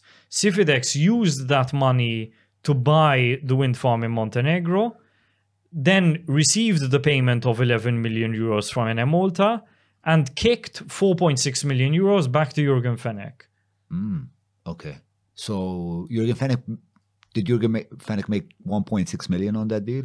No, he actually made a profit of the money that he loaned to Electrogas plus the 4.6 million euros. Shit. All right. It's a good deal. Sorry, so it would be the investment of 3 or 3.4 or whatever it was million euros um, for a profit of 4.6 million. Okay, so he made 4.6 on top of the on top of the Yes, money was redistributed in other ways. So the total amount was actually much higher than that. But some of it was redistributed. So there was some money that was kept by Cifidex. Cool. And and uh, what would compel the Maltese government to accept such a ludicrous deal? bribery this is this is at the heart of it when there is no economic rationale for for a deal that the government has entered into there are two possible explanations stupidity and bribery hmm. so the government for many years has been telling us that Konrad Mizzi is the cleverest person to ever walk into cabinet office. So it cannot say that stupidity was the reason that he entered into these deals. The only option left is bribery. There's no other explanation. And and it's because Konrad Mizzi signed off on this deal, right? Ultimately, it was Joseph Muscat's baby, let's say. Joseph Muscat was there at the inauguration in Montenegro. In photos that you see released by the Department of Information, it's Joseph Muscat with the Prime Minister of Montenegro, um, our ambassador to Montenegro, and so on. So he bears responsibility for this. But it was Konrad Mizzi who was the, let's say, project manager of this deal from the government side. He was, in fact, responsible for Project Malta And that Project was the Malta was- vehicle that he used for for this kind of dealing. And Project Malta is is what exactly? It it it it's like an umbrella. It is the vehicle that the government used for private-public partnerships. So Konrad Mizzi was originally Minister of Energy. After the Panama Papers, Joseph Muscat said that he stripped him of this position. In reality, he made him Minister of Public-Private Partnerships. So he retained responsibility for Hmm. these kinds of deals. Perhaps sounds a bit more dangerous to have a guy like that in Well, of these very delicate deals. Well, of course. Uh, you you have this habit of like uh, trolling Konrad Mizzi, telling him he's going to go to jail. Do you believe it, or is it just like you're trying to get under the skin of the slippery cunt? No, I do believe that Konrad Mizzi is going to go to jail. No one, apart from a few crazy people, um, think that Konrad Mizzi is not corrupt. I mean, Yeah, but- but Everyone those from- are two distinct ideas, no? Like like we all, I think, as you're saying, most people know that Konrad Mizzi is corrupt. Doesn't necessarily equate to the fact that he will go to jail. What what makes you so uh, convinced? I mean, it's hard for me to think of another option. How on earth can the country move forward without Konrad Mizzi being prosecuted? I see it as being impossible because, as a point of departure, I mean, we have to we have to take that as a point of departure that there has been bribery, there has been corruption, and Konrad Mizzi is at the heart of that corruption. We all take that as a point of departure. Everyone, from the prime minister downwards, everyone acknowledges this. So Why do you say that the prime minister acknowledges this? What what tells you that? Uh, what evidence do you have for the prime minister kind of endorsing what the prime minister now? kicked Konrad Mizzi out of the Labour Party. Why did he do that? Not because he thinks Konrad Mizzi is ugly, not because Konrad Mizzi said some offensive remark about him. Hmm. It's because he has suspicions that Konrad Mizzi is corrupt. This is why he did it. Isn't that? I mean, that's a bit clear to everyone, I believe. Sure. So why has Konrad Mizzi not yet been arraigned, you think? Because as you say, it's been a long five years. A lot of time was wasted and it was wasted deliberately. So before there was a change of personnel in the prose- in the police and the prosecutor's office and the attorney general's office, sorry. Time was deliberately wasted. What the police were doing there, what the attorney general was doing there in between 2016 and 2019 and 2020 was not making sure that crimes are properly investigated, that suspicions are acted upon. It was making sure that Konrad Mizzi, Keith Schembri, Joseph Muscat have free reign to continue behaving in this Looting. manner, to continue looting the country. Yes, precisely. Uh, but now it's been uh, how, how many how much how many months has it been without uh, uh, like with the new commissioner with the new prime minister like uh, wh- what are we in now like it's been a year it's been over a year the new police commissioner has an extremely difficult job because investigating corruption is already difficult. Investigating corruption after three, four years of deliberately wasting time, of cover ups, of sabotaging investigations is exponentially more difficult. yeah which which makes me i mean which makes me a bit less optimistic about the success of a prosecution. That that that is what worries me. Um like giving giving Angelo Gafà the full benefit of the doubt and, and, and even having like full confidence in that in in his will to wanting to do the, the right thing i'm a bit apprehensive in uh well in saying that he will be able to do it because as you're saying like uh, three years of of uh, delays you know evidence might have been tampered with going back on uh, trying to retrieve evidence for very elaborate crimes such as this one. Like are we even The are we even single geared most- for that? Look, my my attitude is always when there are bad actors in in a democracy, you have to use whatever tools are at your disposal, legal tools, to neutralize those bad actors. Now, the law can be anything, as as long as it gives you the ability to put a stop to the criminal behavior of these people, and to strengthen the the the the public perception that corruption is a punishable offense, the better. So what the the single most important fact the that's on the side of of prosecutors apart from the mountains of evidence that we have accumulated so far thanks to the work of journalists is that Konrad Mizzi has committed so many crimes while in office that there is a sort of whole buffet of, of evidence that can be used against him. And at least one of these things, at least one of these crimes that he has committed, can be used to, yes, show the public that if you get into office with to the profit intention? with the intention of, of profiting illegally, then you are going to be punished for that crime. So, so given this trove of, of evidence that, that uh, journalists have uncovered, presumably even the, the, the police, I mean, uh, must have um, even more, have accumulated even more evidence.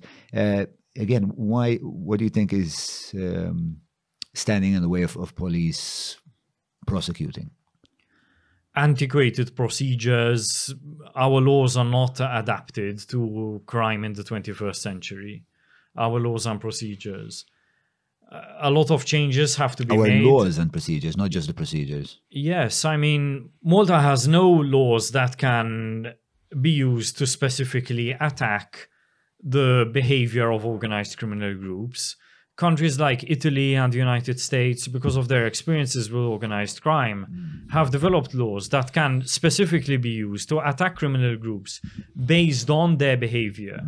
So, if groups of people consistently attack, uh, uh, behave in a way that is used to profit illegally, to commit crimes, even if they're sort of small crimes or low level crimes, the law empowers prosecutors to attack those criminal organizations In Malta, we haven't yet developed these tools that can be used by prosecutors, but we need to do so. And we're talking about, eh, well, predominantly it's probably because the organized crime phenomenon is new to Malta. I mean, it, It isn't new to Malta. It isn't. Malta is a country that has long suffered because of organized crime.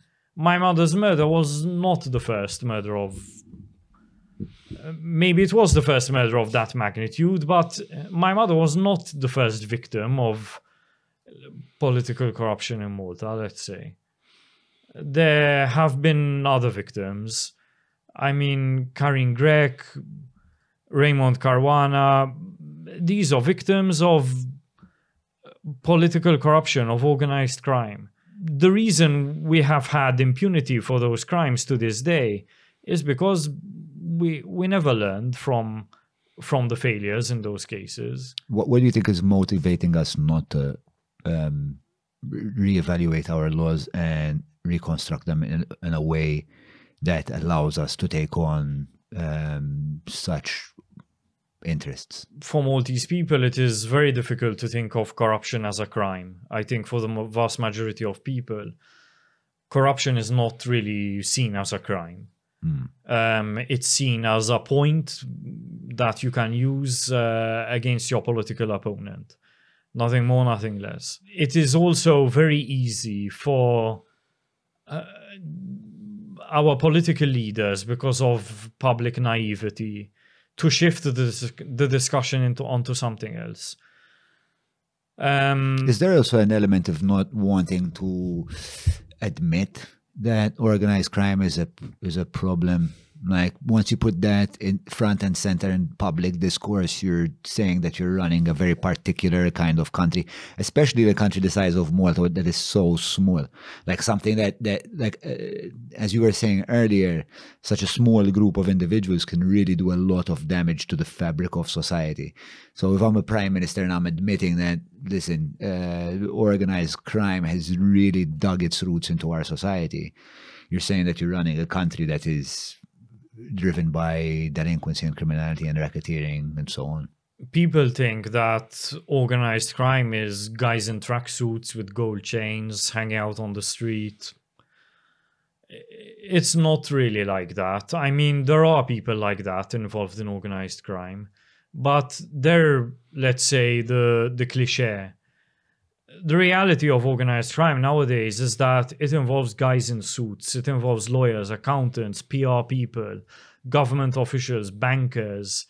It it it takes an entire economy, an entire market of services for an organized criminal group to operate. The the sort of low level people like the hitmen involved in my mother's murder are really the guys at the bottom of the chain of command. Of course, if you see a situation in a country where people like that consistently get away with crimes like bank robberies, drug trafficking, human trafficking, and so on, it is, of course, a sign that they are being protected by people high up in government. Is it also like I've also thought that it's not necessarily protection, but um, when you contrast, for example, the wage of a of a, of a police officer and how menacing these people are, uh, like the payoff for me as a police constable to kind of arrest someone like the De Giorgios could have such huge ramifications on the rest of my life, the security of my family, my well-being, that like the wage just doesn't cover the risk. I think proper pay is a factor, but it's not the single most important motivator.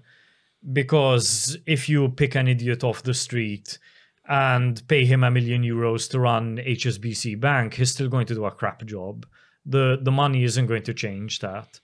So we need to look at and collect data on successful prosecution, successful convictions, um, successful attempts to prosecute money laundering.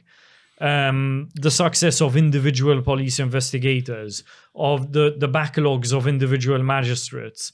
We need to look at these performance indicators and then make decisions based on that. Why are certain people performing better than others? Is it because they're more intelligent? Is it because they're better at their job? Is it because they're paid more, paid less? What are the factors? Of course, we need we need to look at these things. So what I'm getting from you is that you actually have quite a bit of faith in the in the volition of the of the justice system. Like there are people in there that really want to do a good job. However, perhaps the the, the, the laws don't allow them to uh, be confident enough to get a successful prosecution. Perhaps they're under resourced. You you mentioned the the magistrates being uh, overworked, like too many, like the caseload is ridiculous. I've heard this. I've heard this before.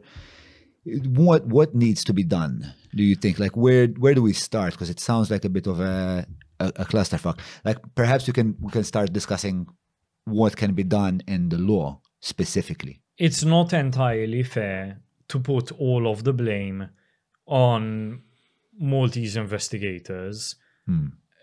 One, because there are a number of people who are doing excellent work. And two, because the fact that Malta is a microscopic country is never going to change, whether we like it or not. And whatever our visions of grandeur for our country are, we are always going to have a small diplomatic service. We already we are always going to have a rel- relatively small government budget. So we we depend on international tools, on international mechanisms in order to properly fight the corruption and money laundering of which we are victims, of which the country is a victim. So we depend on changes at the European level too. European institutions need to be strengthened to to fight cross-border organized crime and corruption because look at the corruption that my mother was investigating it involved bank transfers from latvia the united arab emirates companies in panama trusts in new zealand it's extremely difficult for a police force the size of malta's to gather evidence from all of these different jurisdictions. We don't even have embassies in many of these places. We really need to also strengthen European authorities, European institutions, develop European authorities that can sort of have Malta's back, have Malta's interests at heart. I, I mean, not specifically Malta, but the interests of small countries like Malta. And Are you talking about like things like task forces, task forces that that would, uh, in the event of such elaborate crimes, be sent down to smaller states that perhaps do not have the resources? Are you talking about access, better access between states, like better sharing of information? How complicated is that, mm-hmm. the, the sharing of information? My family has called for Europe to take a serious look at setting up a European FBI because we believe that cross efforts at a European level to fight organized crime and money laundering have so far Explain European Not- FBI not for been a success. people that don't understand like the role of the FBI, like how would the FBI come into the hierarchy of policing in America? the United States is a country made up of different states, right? You have Texas, California, New York, whatever. Uh, Before the creation of the FBI, very early in the country's history, if I committed a crime in New York and ran off to California, it was very easy for me to get away with that crime. Only after the creation of the FBI that the United States properly or got the tools that it needed to stop this kind of activity where someone would commit a crime in one state and run off to another state or bribe a politician in one state from from the safety of another state the creation of the FBI acted as a kind of deterrent for the people who are doing that kind of thing So the FBI is basically a, the, feder- the Federal Bureau of Investigation, and so they, they would have uh, jurisdiction over all states. Basically, they could they could uh, assert their authority uh, across state borders. Is that correct? in Europe, we can do it in a kind of piecemeal way, where such a cross-border force, such a cross-border authority, first has uh, a remit that covers very specific crimes like money laundering and bribery that crosses borders, that involves different jurisdictions, and can then extend further. Perhaps the idea of a, a European FBI would really suit the endemic problems in a community, in a small community such as Malta, you know, given the the proximity, like I worry about, um, you know, the, the proximity between the investigative force and the the civilian population. I mean, isn't there always kind of this um, concern that since we all know each other, you know, we let things slide, we can have conversations that we shouldn't be having. I mean, it's nepotism is uh, always going to be a concern in Malta, in any country really. And you see it even in big countries where a small group of people holds on to power by sort of promoting its own. But with with Malta, the difference is that for career advancement, a lot of people tend to depend on being being favored by the prime minister, being favored by the governing party. So if you're liked by the prime minister, if you're liked by the government, then you're going to be promoted. I mean, we even had a case where our brigadier general, Joseph Muscat's wife's friend, was promoted something like four times within four weeks in order to get the rank of brigadier general. And it was a very case obvious case of nepotism. But I guess the majority of people simply accepted it as the way things are here because they saw no other possibility for career advancement. This is why, to me, the creation of independent authorities not only gives us an opportunity to have greater accountability, but also gives people more opportunities for career advancement. Because if I want to advance and as, as an investigator, as, if I want to advance as, as a prosecutor, then I no longer have to care about being liked by the prime minister. I simply have to career, care about the performance statistics that my superior in the authority is collecting. So the creation of institutions like a European FBI, a European public prosecutor, gives people opportunities to have a career that goes beyond the very narrow confines of Malta. And you said that this is a problem um, th- throughout. Is it a problem throughout Europe, or is it a problem in some countries in Europe? And is it a bigger problem in Malta fr- from your worldview? Well, no country is immune to it. I mean, you saw in the US, Donald, Donald Trump promoted his own daughter um, to senior office, uh, which was something that we would never imagine seeing in the US, but it happened. So we need to make sure that systems of government are designed to prevent this possibility. Um, but with Malta, the problem is is a little bit deeper, I believe.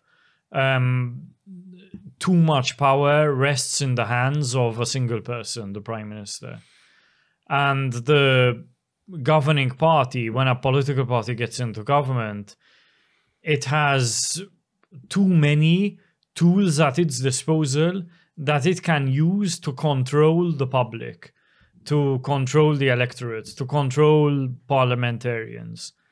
So, gi- so perhaps given the nature of what society they operate in, we actually need even more independence than other countries, rather than uh, like uh, we we need even more barriers between uh, between authorities.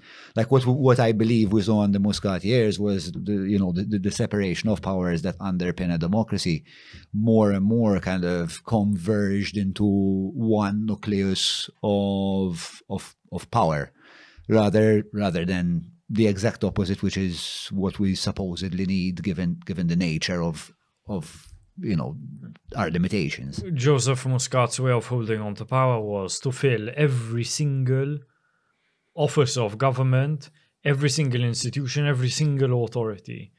with corrupt, stupid, malleable, useful people.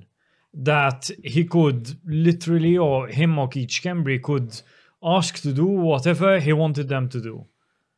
And this this was his way of yes strengthening his hold on power. Y- Yet you have uh, And- you have uh, a lot of faith in in in the in the justice system. Do do you think that the in a sense the the, the grip of Muscat is slowly becoming um, undone or loosened? I have often wondered why, when my mother reported that Keith Schembri ha- was being treated for cancer, was diagnosed with cancer, why he reacted in the way that he reacted. Um, so angrily, threatening to sue my mother into bankruptcy, um, attacking her with, with everything that he had because when when she first reported that, I imagined that it was going to create public sympathy for Keith Schembri and he would welcome that sympathy. But instead, he went on the offensive, really, really attacking my mother. Um, and I thought, why is he doing this? It's so strange. I mean, I would want people to know this because I- won't want them to understand why maybe I'm not doing my job properly or I'm not turning up for work. It would or- humanize him in a way. Yes, of course. And I mean, that is ordinarily welcomed uh, for someone in a position like his. And my conclusion is that he was worried that once his associates realized that his time was running out, they would begin to abandon him. They would mm-hmm. begin to betray him. Mm-hmm. Like he they, they could no longer rely on him for for impunity. Yes, precisely. And they would begin to turn against him. They would stop defending him. Because he would no longer, after leaving the office, be in a position to use the carrot and the stick to reward mm-hmm. people for doing his bidding or punish them for not doing his bidding. Now that he is out of office, is that part of the reason that you think that uh, these these crimes um, will become resolved? From my point of view, the crimes have been resolved to an extent for a long time. rather than resolved, prosecuted. I- prosecuted. Yes, I mean, ge- getting Joseph Muscat and Keith Schembri out of power was a huge step forward because it meant that their pyramid scheme would, whatever, their kind of empire of impunity would start to collapse. And once they, once Joseph Muscat was out of government, once Keith was out of government, we could begin with the work replacing the police commissioner, replacing the attorney general, separating the office of the attorney general from the office of the state advocate. Why was that important? Because under Joseph Muscat, um, under every government that preceded Joseph Muscat, the prosecutor was also the government's lawyer. So when faced with suspicion of a crime committed by someone working in the prime minister's office, the attorney general was simultaneously expected to defend that person and also prosecute them. Um, I'm just gonna digress um, to Keith Arnaud, who you've, uh, I, I think you've publicly proclaimed was a, a hero, is, is doing like her, heroic work at some point. My, my question is this. Um, at, like we know that, for example, at a, a point, um, Keith Arnaud was also briefing Muscat and Schembri about uh, the ongoings of the investigation how do you reconcile heroism with someone that made what in my opinion is such a blunder I can't really talk about this because of the. I mean, there's an ongoing case about. I mean, where Yorgen Fenech's defense team is seeking to remove Keith Arnaud from the investigation. okay It's a bit difficult for me to comment about this. could you comment perhaps on uh, why you think Yorgen Fenech is trying to remove Keith Arnaud from the investigation Because Keith Arnaud is bringing Yorgen Fenech to justice, is bringing the people who murdered my mother to justice. And what would a person guilty of that crime want to do? they would want to remove the person who is keeping them in jail. So, uh, by your estimation, Keith Arnaud is um, fully pursuing justice. Yes, Keith Arnaud is responsible for bringing the people who murdered my mother to justice, both on paper and in fact. And in fact, th- from, Yes. from where you're standing, you, you, you see the he work that he's doing is is he one of those outstanding people that you were referring to earlier? Yes, he is. He is an outstanding investigator. Anyone else that you think is doing outstanding work that you could? I think the homicide squad in general is doing incredible work. And the FCID, who are now responsible for investigating financial crime, are really moving investigations forward. But they are dealing with extremely difficult problems that they should not have to deal with. Unfortunately, what what sort of problems are, those? obstacles have been put in their way by people uh, from Joseph Muscat's government and from his circuit that make it more difficult for them to arrive at the conclusion Can, of can their you specify on the on the obstacles? The people involved in corruption in Malta are wealthy, powerful, well connected. When when police officers are investigating financial crime, they often find, not just in Malta, but everywhere, that the people they're investigating are one step ahead of them. Because they use their money, power, influence to put obstacles in the way of their investigate of the of investigators, but also to cover up evidence. Hmm. I have no doubt that the people who the, the, whom the police are investigating, for example, are working to cover up evidence as we speak in Dubai, in the Seychelles, in Latvia, in Panama. I have absolutely no doubt about that. So that okay, so that that is the kind of um, obstacles that they're that they're encountering. That basically they're up against people with humongous resources that have every intention to remain out of jail. We have to change the situation, to change laws, to change policies, to turn the tables on people who profit from corruption, so that it's investigators who are one step ahead of criminals rather than vice versa. How do the the laws, like for example, the RICO law, the racketeering law in America that we spoke about earlier, how do they differ from the laws that we have here? What would it, it- if we had to implement something like the RICO law in Malta? Uh, how would that make things easier? One of the most frustrating things I hear from people in government or, I mean, anyone who is responsible ultimately for making sure that there is justice for corruption is we need to have an email or a document which says that you bribe this minister and I will pay you 1 million euros. As though this is the way that things are done, like we're children. Of course, it's not like that. Hmm. Only the stupidest, I mean, the stupidest of the stupid, would do something like that. I, I cannot think of a single corruption case where something like that has happened.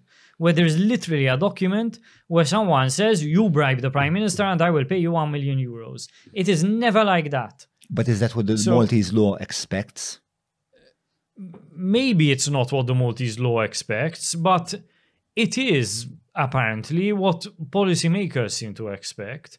But we need to change this attitude because you are never, ever, ever, ever going to be able to convict someone if your attitude is like that.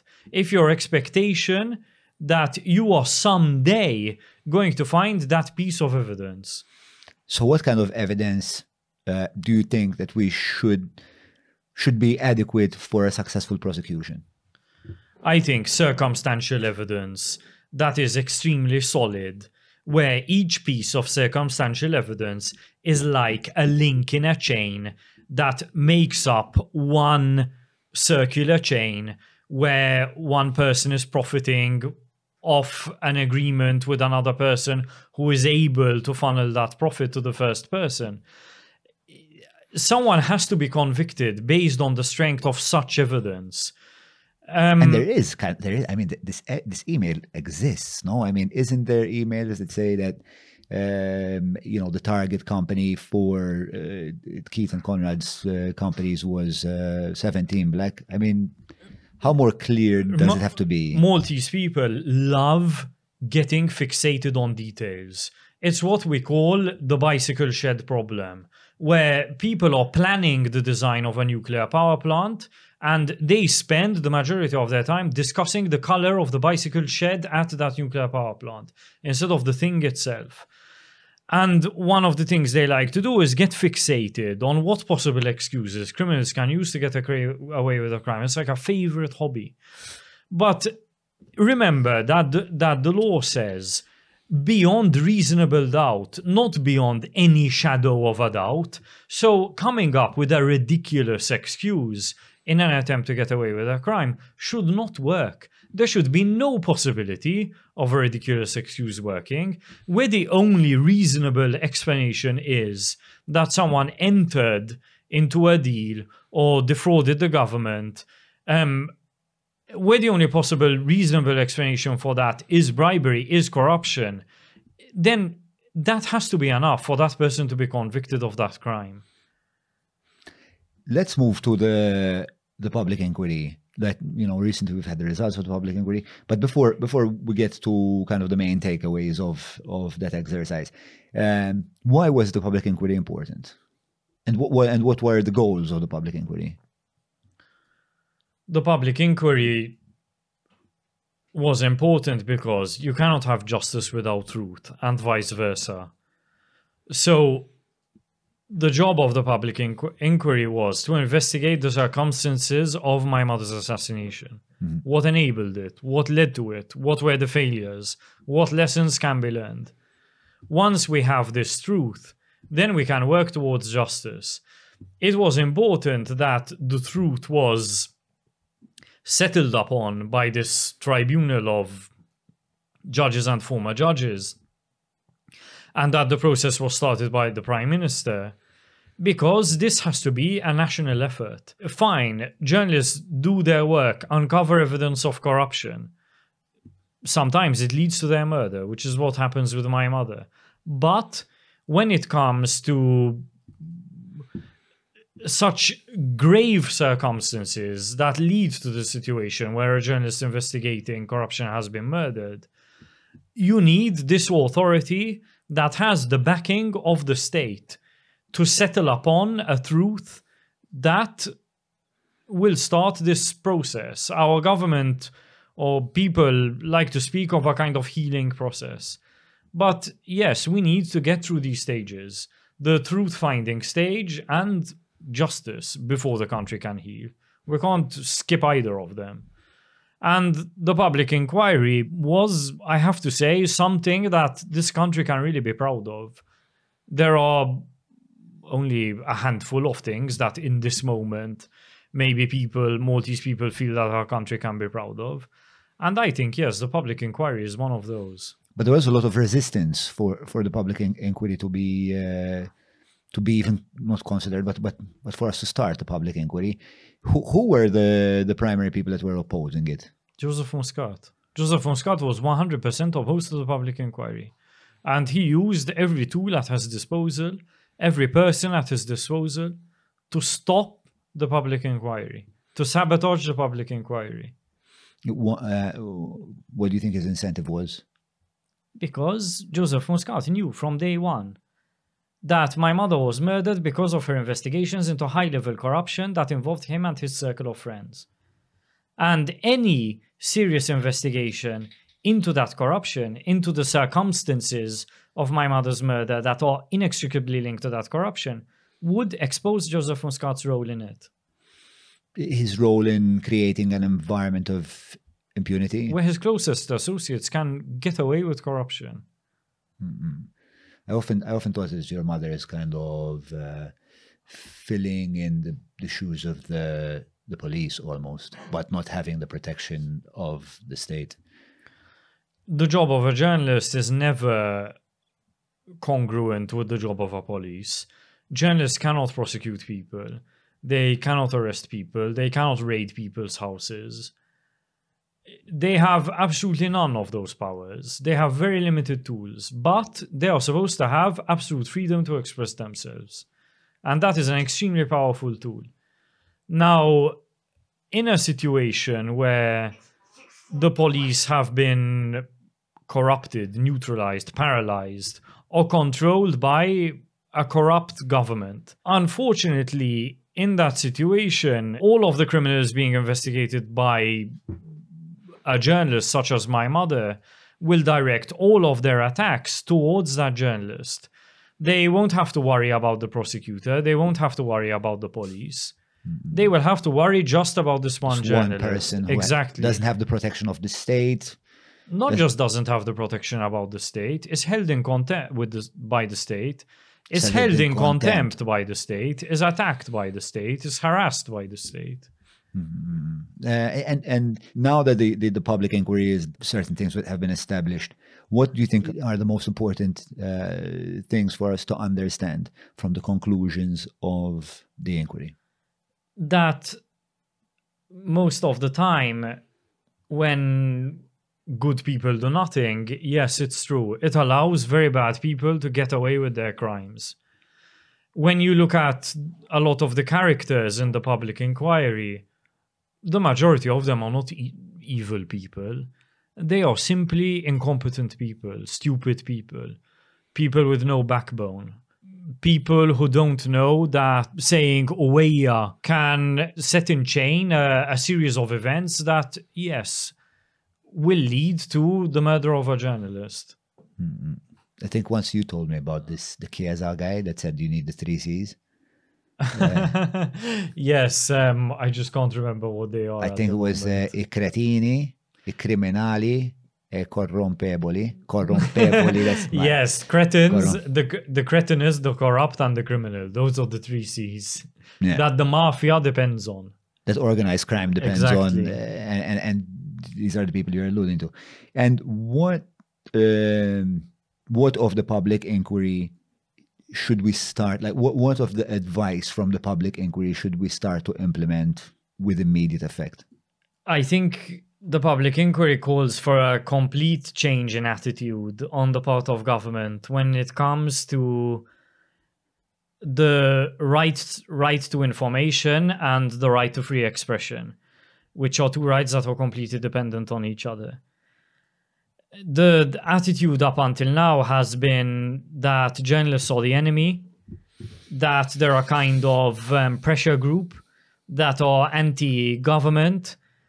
Um, the job of the government and its supporters is to score points against those journalists, to undermine them, to attack them, to sabotage their efforts to find out the truth about anything.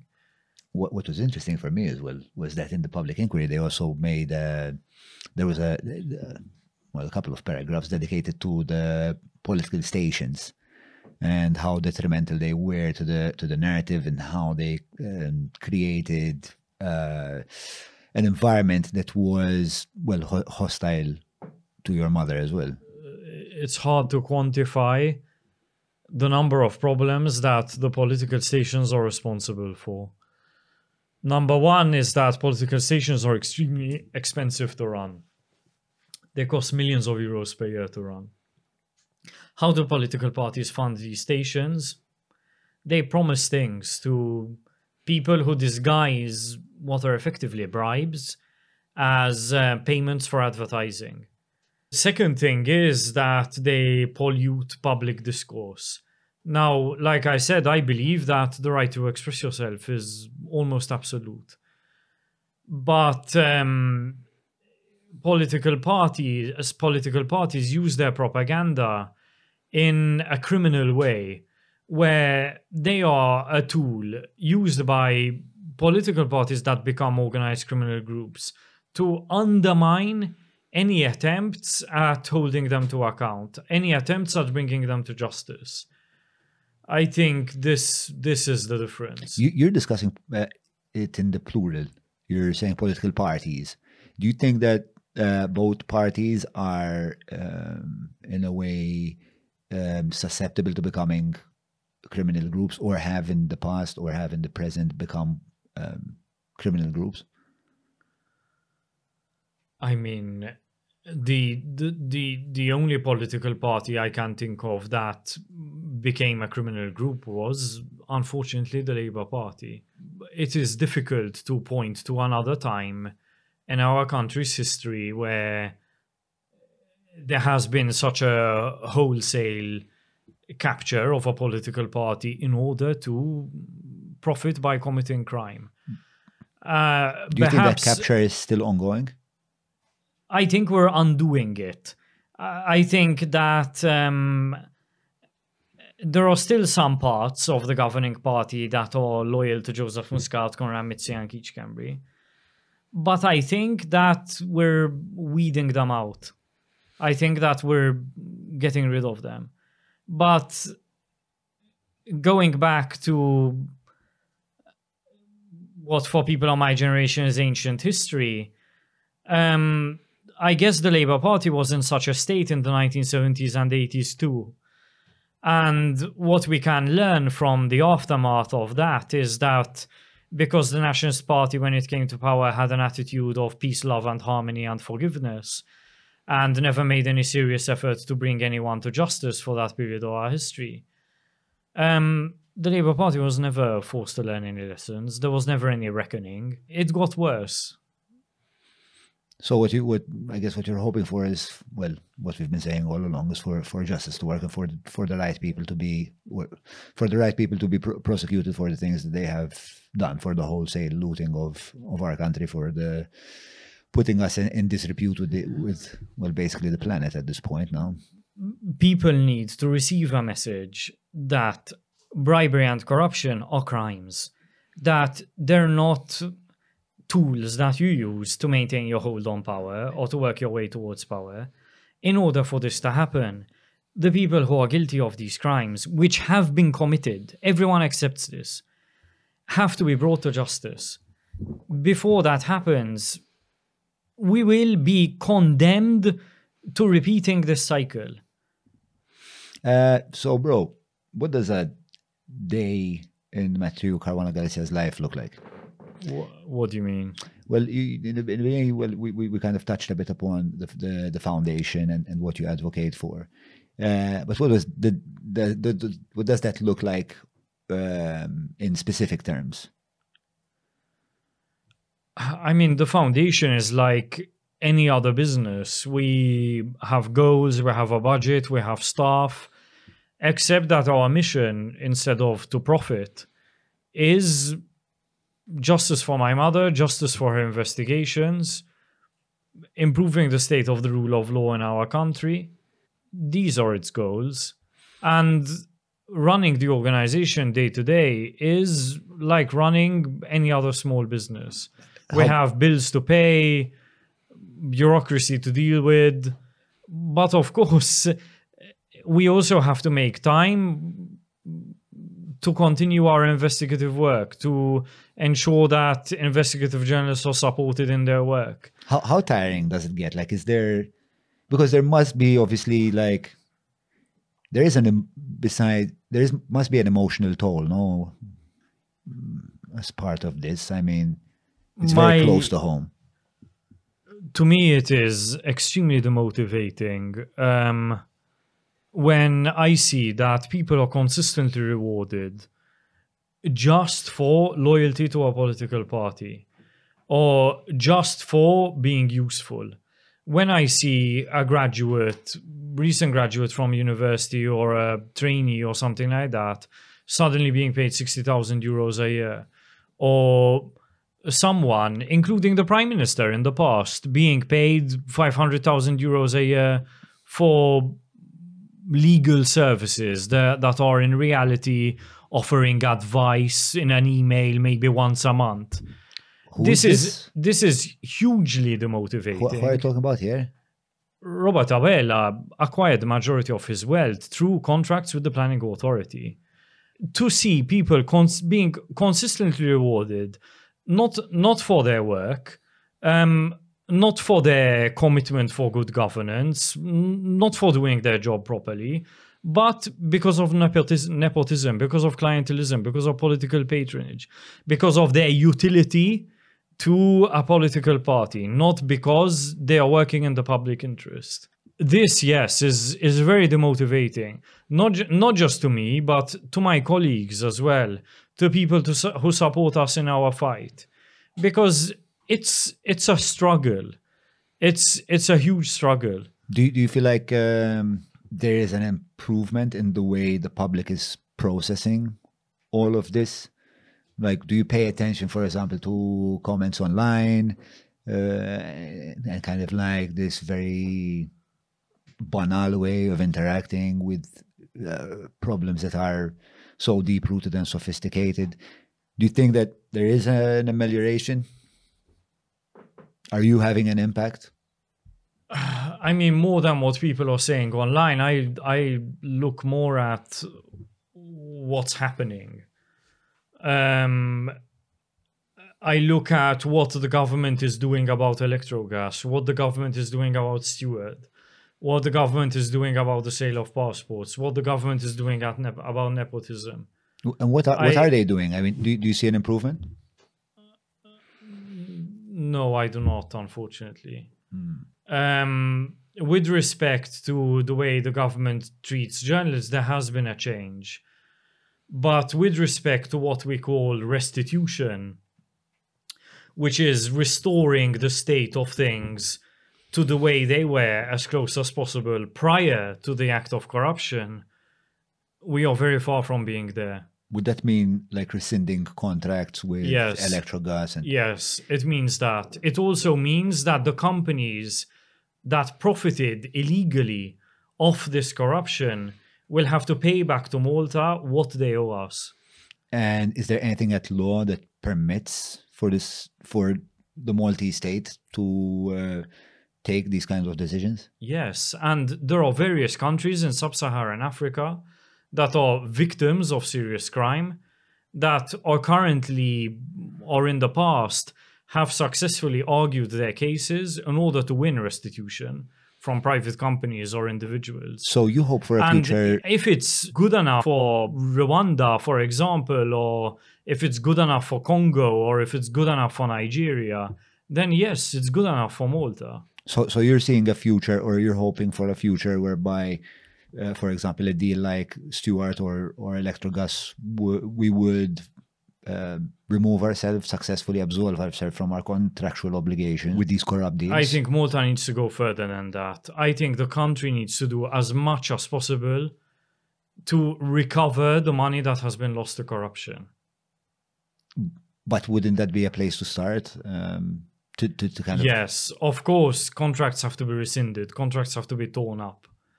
Of course, that is a start. Um, but we have to go further than that. Criminal justice also. But um, yes, we need restitution. do you see that as a plausible possibility for our future? Yes, it is. I mean, the current situation is. I want to cry. Um, the the last time I was on the website of the Asset Recovery Bureau, which is the government authority that is responsible um, for reclaiming the profits of organized crime, uh, there was an advert for, I believe, uh, Daihatsu 800 worth 600 euros that the Asset Recovery Bureau had seized from a criminal. I mean, is is this really what the uh, what the country is capable of, or are we capable of more than that? What's it going to take? People for people to do their job And, and, who are do the, it who- without who- fear or favor. Mm, and who are these people that need to do their job without fear or favor? Everyone from the prime minister downwards. The remember that with governments, attitude is all always set by leadership. So it's important that yes, it's it's top down. That there are authorities who are independent enough um, to set their own direction and not be interfered with by the executive branch of government, for example. But ultimately, the tone that government takes is, is always set by, by the political leader. And uh, outside of uh, your foundation, is there are there any other movements that are, are calling for this? What sounds probably in some most people's ears, I would say, that are listening to right now, as an extreme like this idea of restitution. Like we are so far away from even rescinding contracts, for example. Uh, is there anyone else that is that is calling for this kind of um, uh, avenue to be pursued.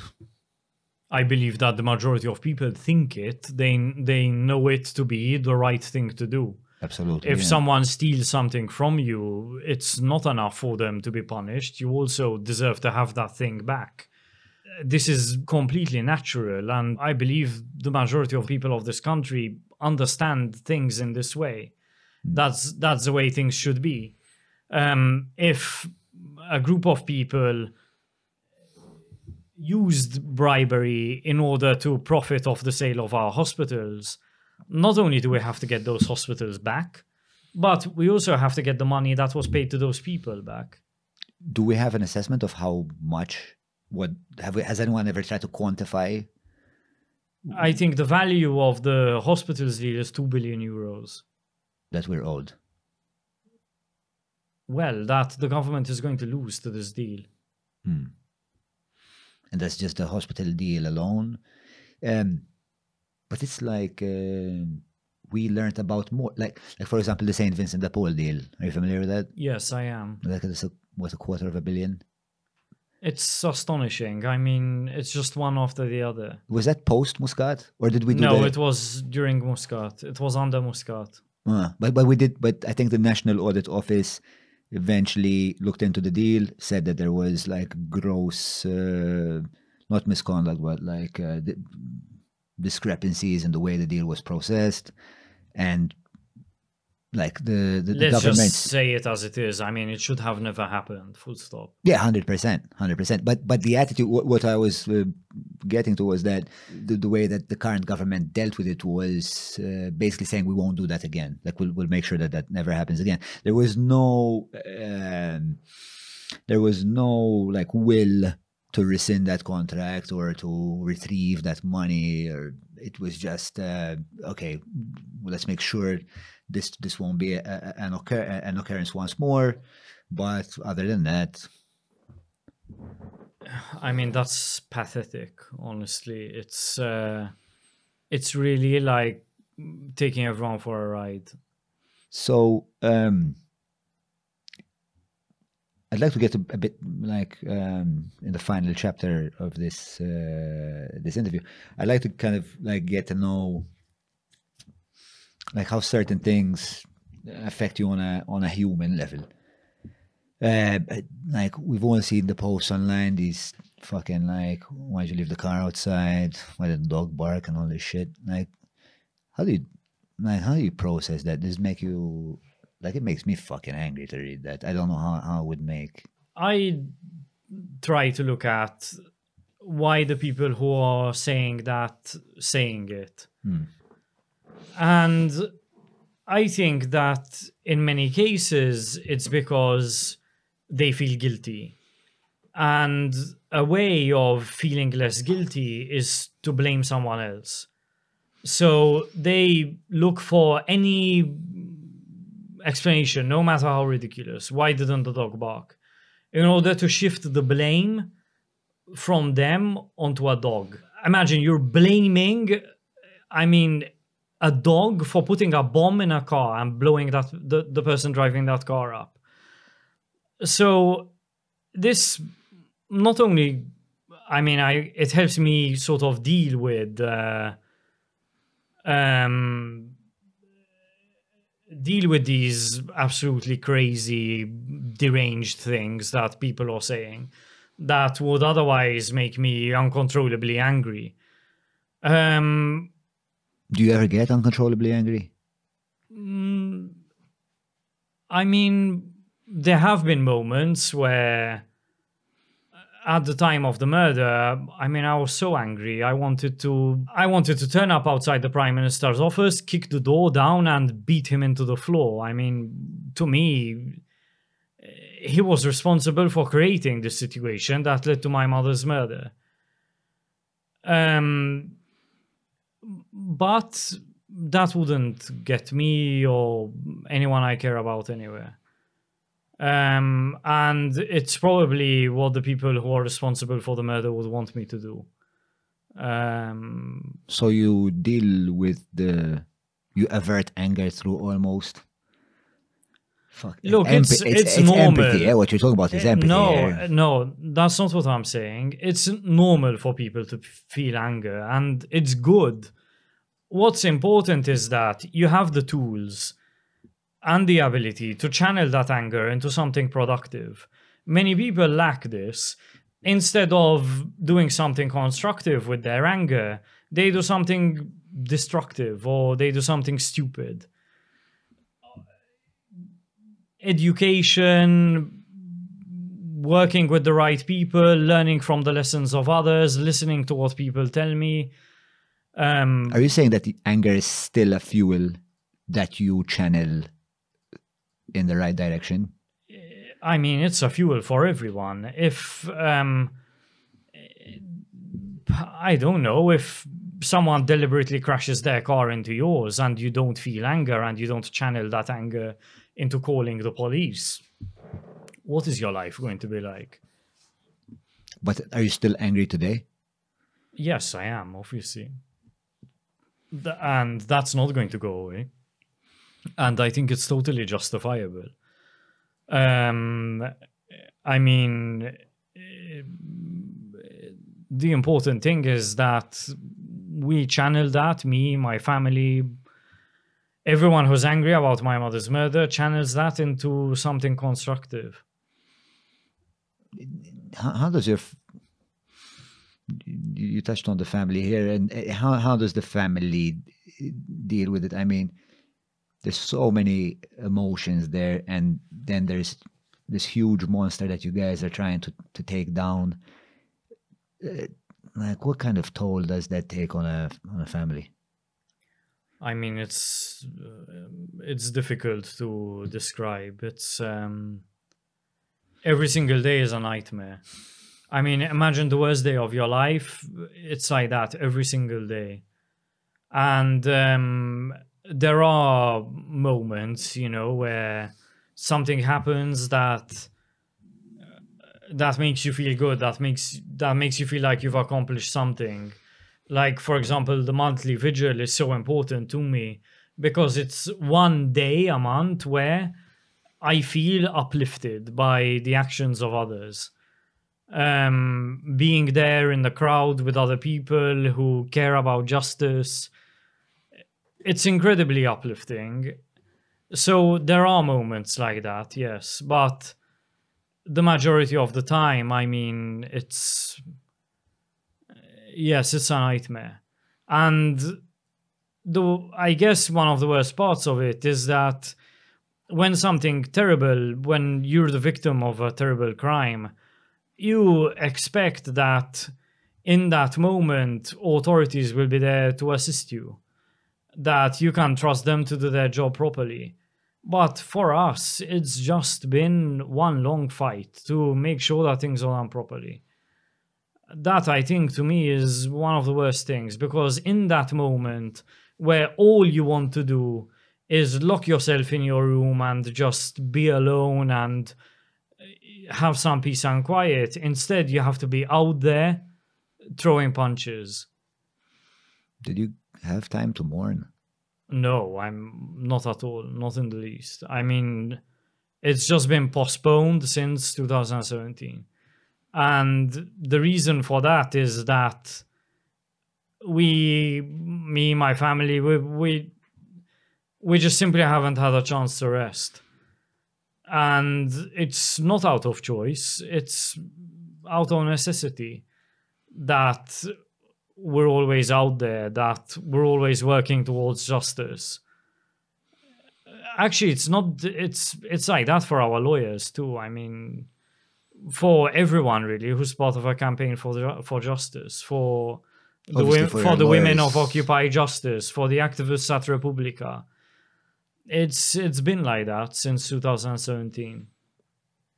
Obviously, all these people you mentioned did not lose a mother. Which, I mean, um, But even if my even if my mom wasn't related to to the people who are out there fighting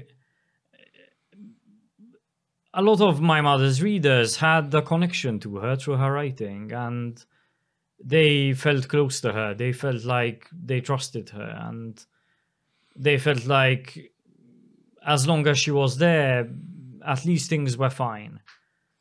And when she was gone, it felt like they had lost a part of themselves. So this nightmare that you're reliving every day, um, what would it look like to wake up from the nightmare? I will never wake up from it because my mother was murdered almost in front of me and I mean it someone would have to remove part of my brain to to take that away from me. Um but what what I can what we can hope to do is um is at least make things a little better. Make sure that that doesn't happen again. Make sure that my mother didn't die for nothing. Um, with the case of, okay, Because, Because it- it's it's not it's not about my feelings. If my mother didn't have children, the need for justice would still be there.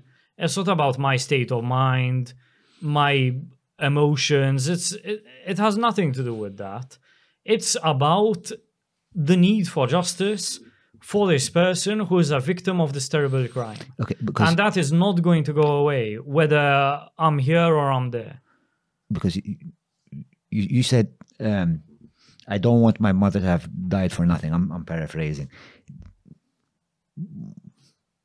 What what could she have died f- for? Like we're talking about, like what is what is worth that ultimate sacrifice? I'm I'm a bit confused.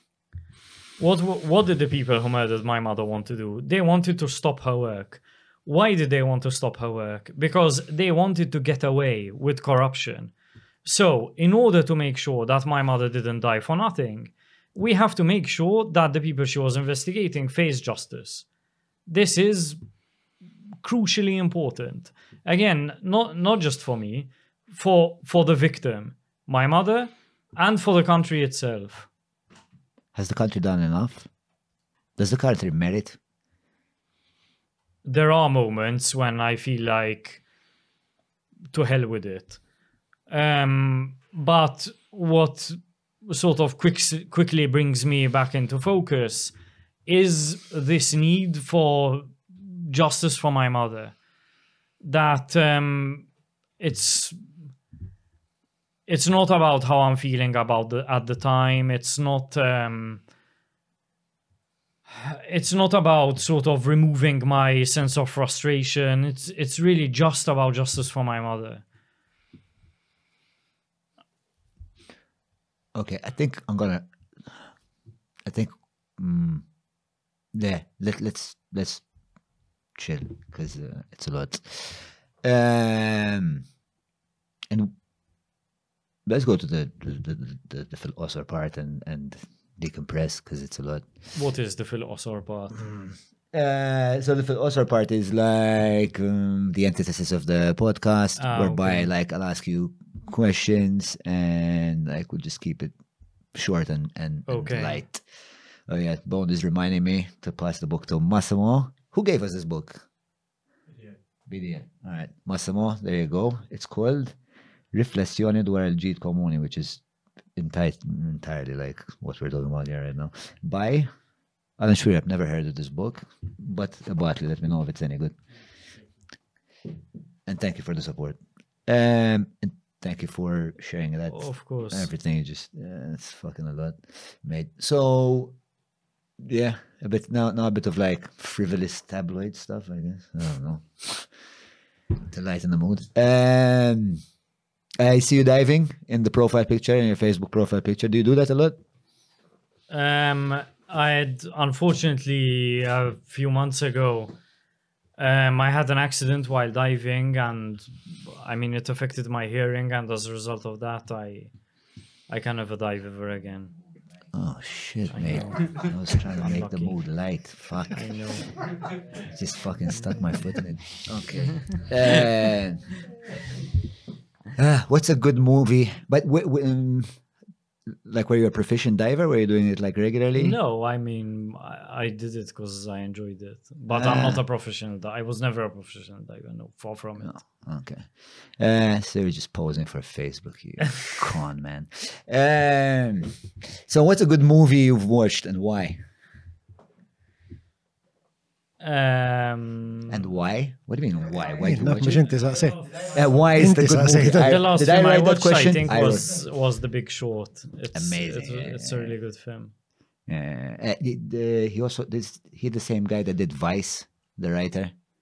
I think it's the same guy that did remember. Vice and the same guy that did Succession. It was Alan Sorkin, no? The writer. No, not Sorkin.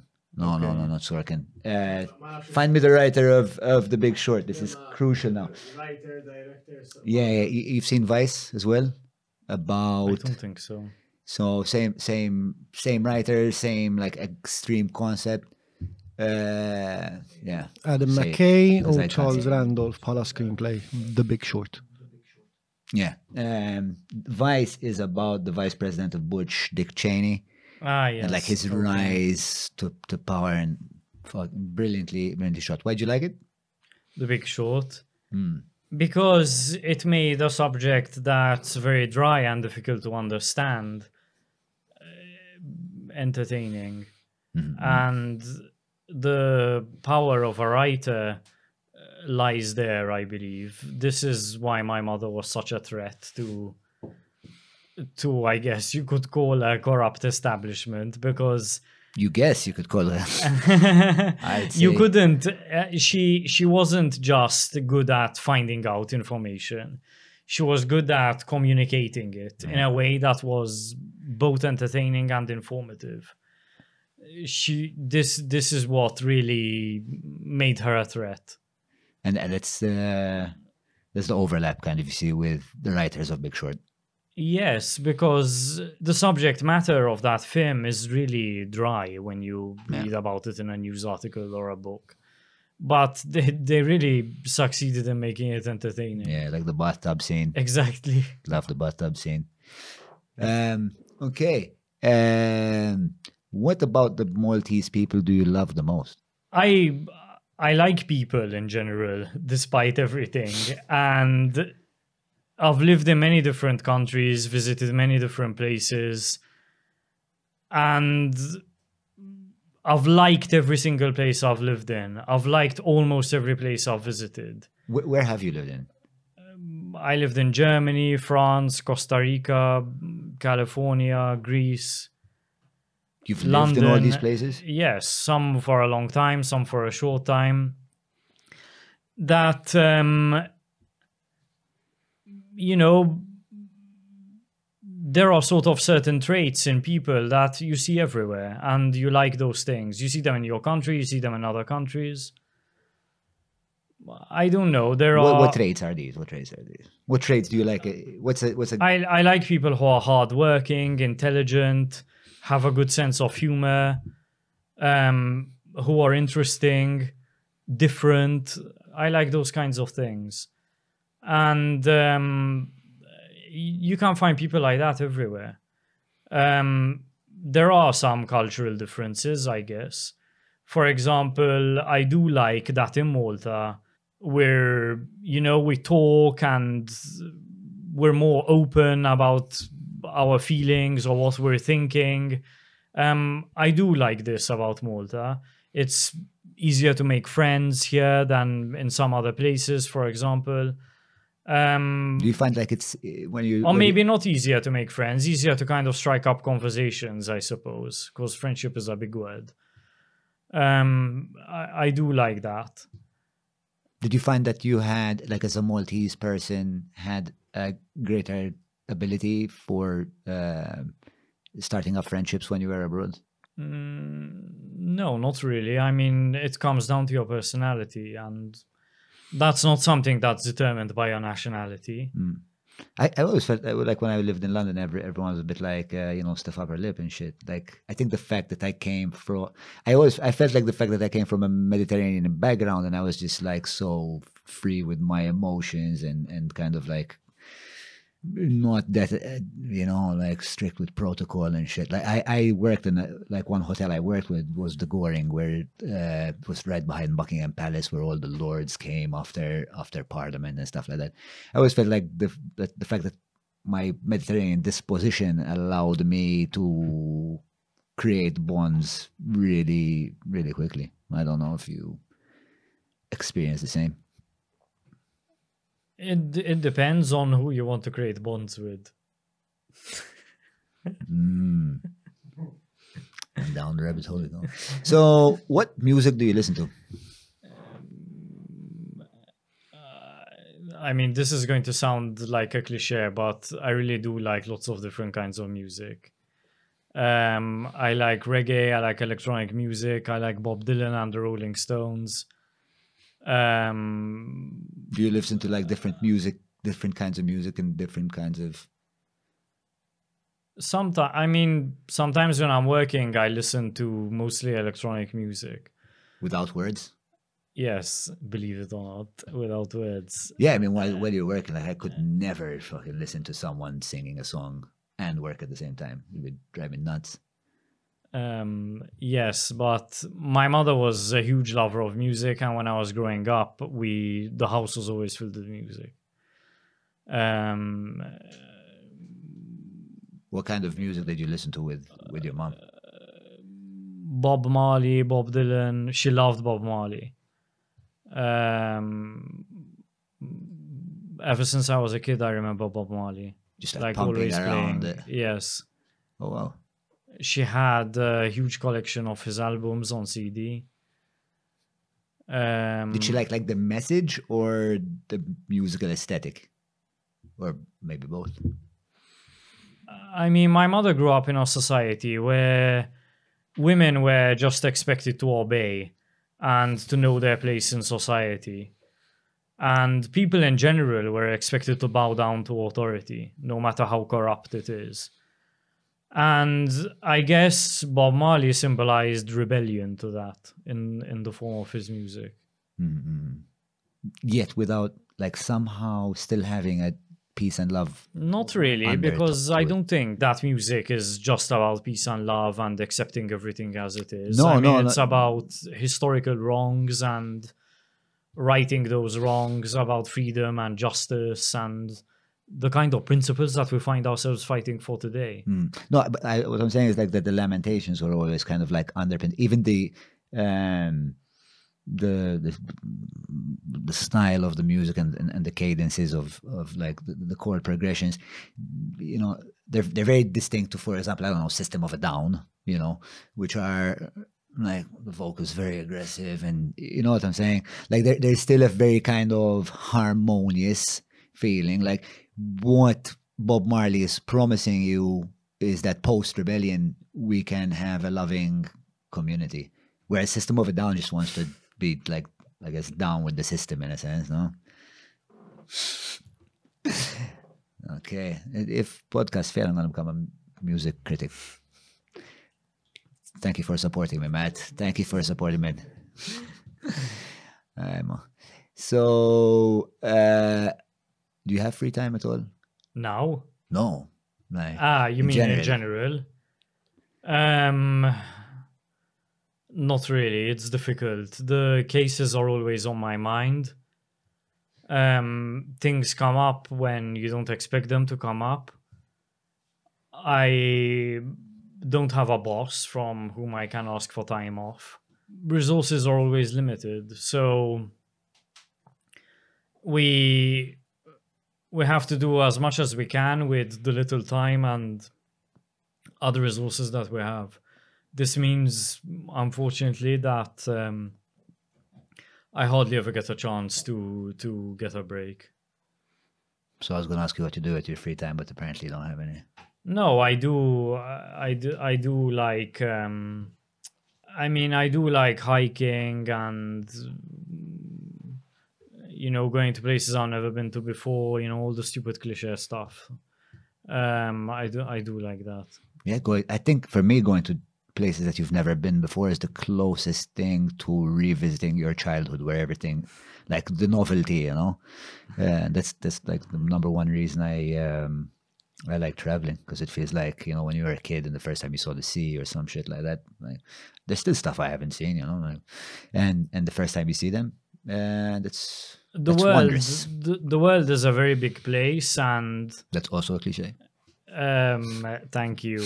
Uh, people should aim to see as much of it as possible. I agree. I agree. Um, so before I just before I wrap this up, just uh, wanted to say that uh, I don't know if you, you remember when we went to that restaurant in Ah, yes, I do. I do. In Sliema. yeah, uh, like the way and you remember my son there and you you guys were talking Yes, about Yes, I think I remember. But there was more than one kid. I remember a lot. Like it was like a monkey house. was it? No, but No? those were tho- those were the kids on the other table. Ah, no, I only had one monkey at the time. Probably referring to Uh, I do get strange around food. Uh, and just like the way I interacted with, with my son, like we were co- talking about like politics and corruption. This was like, I think post 2017 election.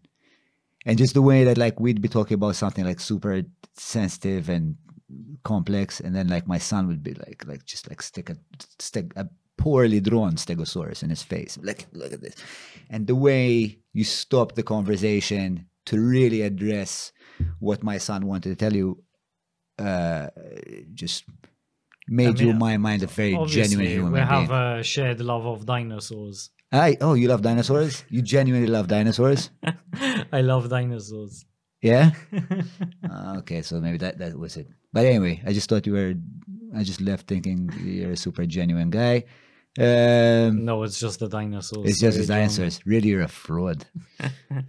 like that fucking condensed bag of farts with a smile, Mizzi. Um, so, bro, thank you very much. Did you did, did you enjoy the? Yes, I did. Like you're gonna say no, fuck this shit. Where's the. Where's the fucking taxi? Uh, no, how was the experience? Well, I mean, uh, good, I guess. It was the first time for me doing a podcast like this. Like what? Like a sort of long interview. Hmm. So I, I don't have any benchmark. But it was good. You know, So I'm your like, first. even though you uh, you say that the things we're talking about are very difficult to understand, I mean, you have a really good grasp of them, and you're much better than I am, I think, at explaining them. And on that positive note, Matthew Caruana Galizia has been absolute honor. And he's to have been the on. only one of the very few guests who managed to speak more than you did, John. Is it? Is that true? No. Yes. No, I'm, I'm always. And always, yeah. uh, Mark uh, understood most of it this time. Thank you very much for being uh, being with us. Patreon.com forward slash John Malia. Maybe we can get some of those stands so I can stop hitting the, the, the bloody mic and, and Bonk can stop going crazy. Um, see you next week, guys. Sahit.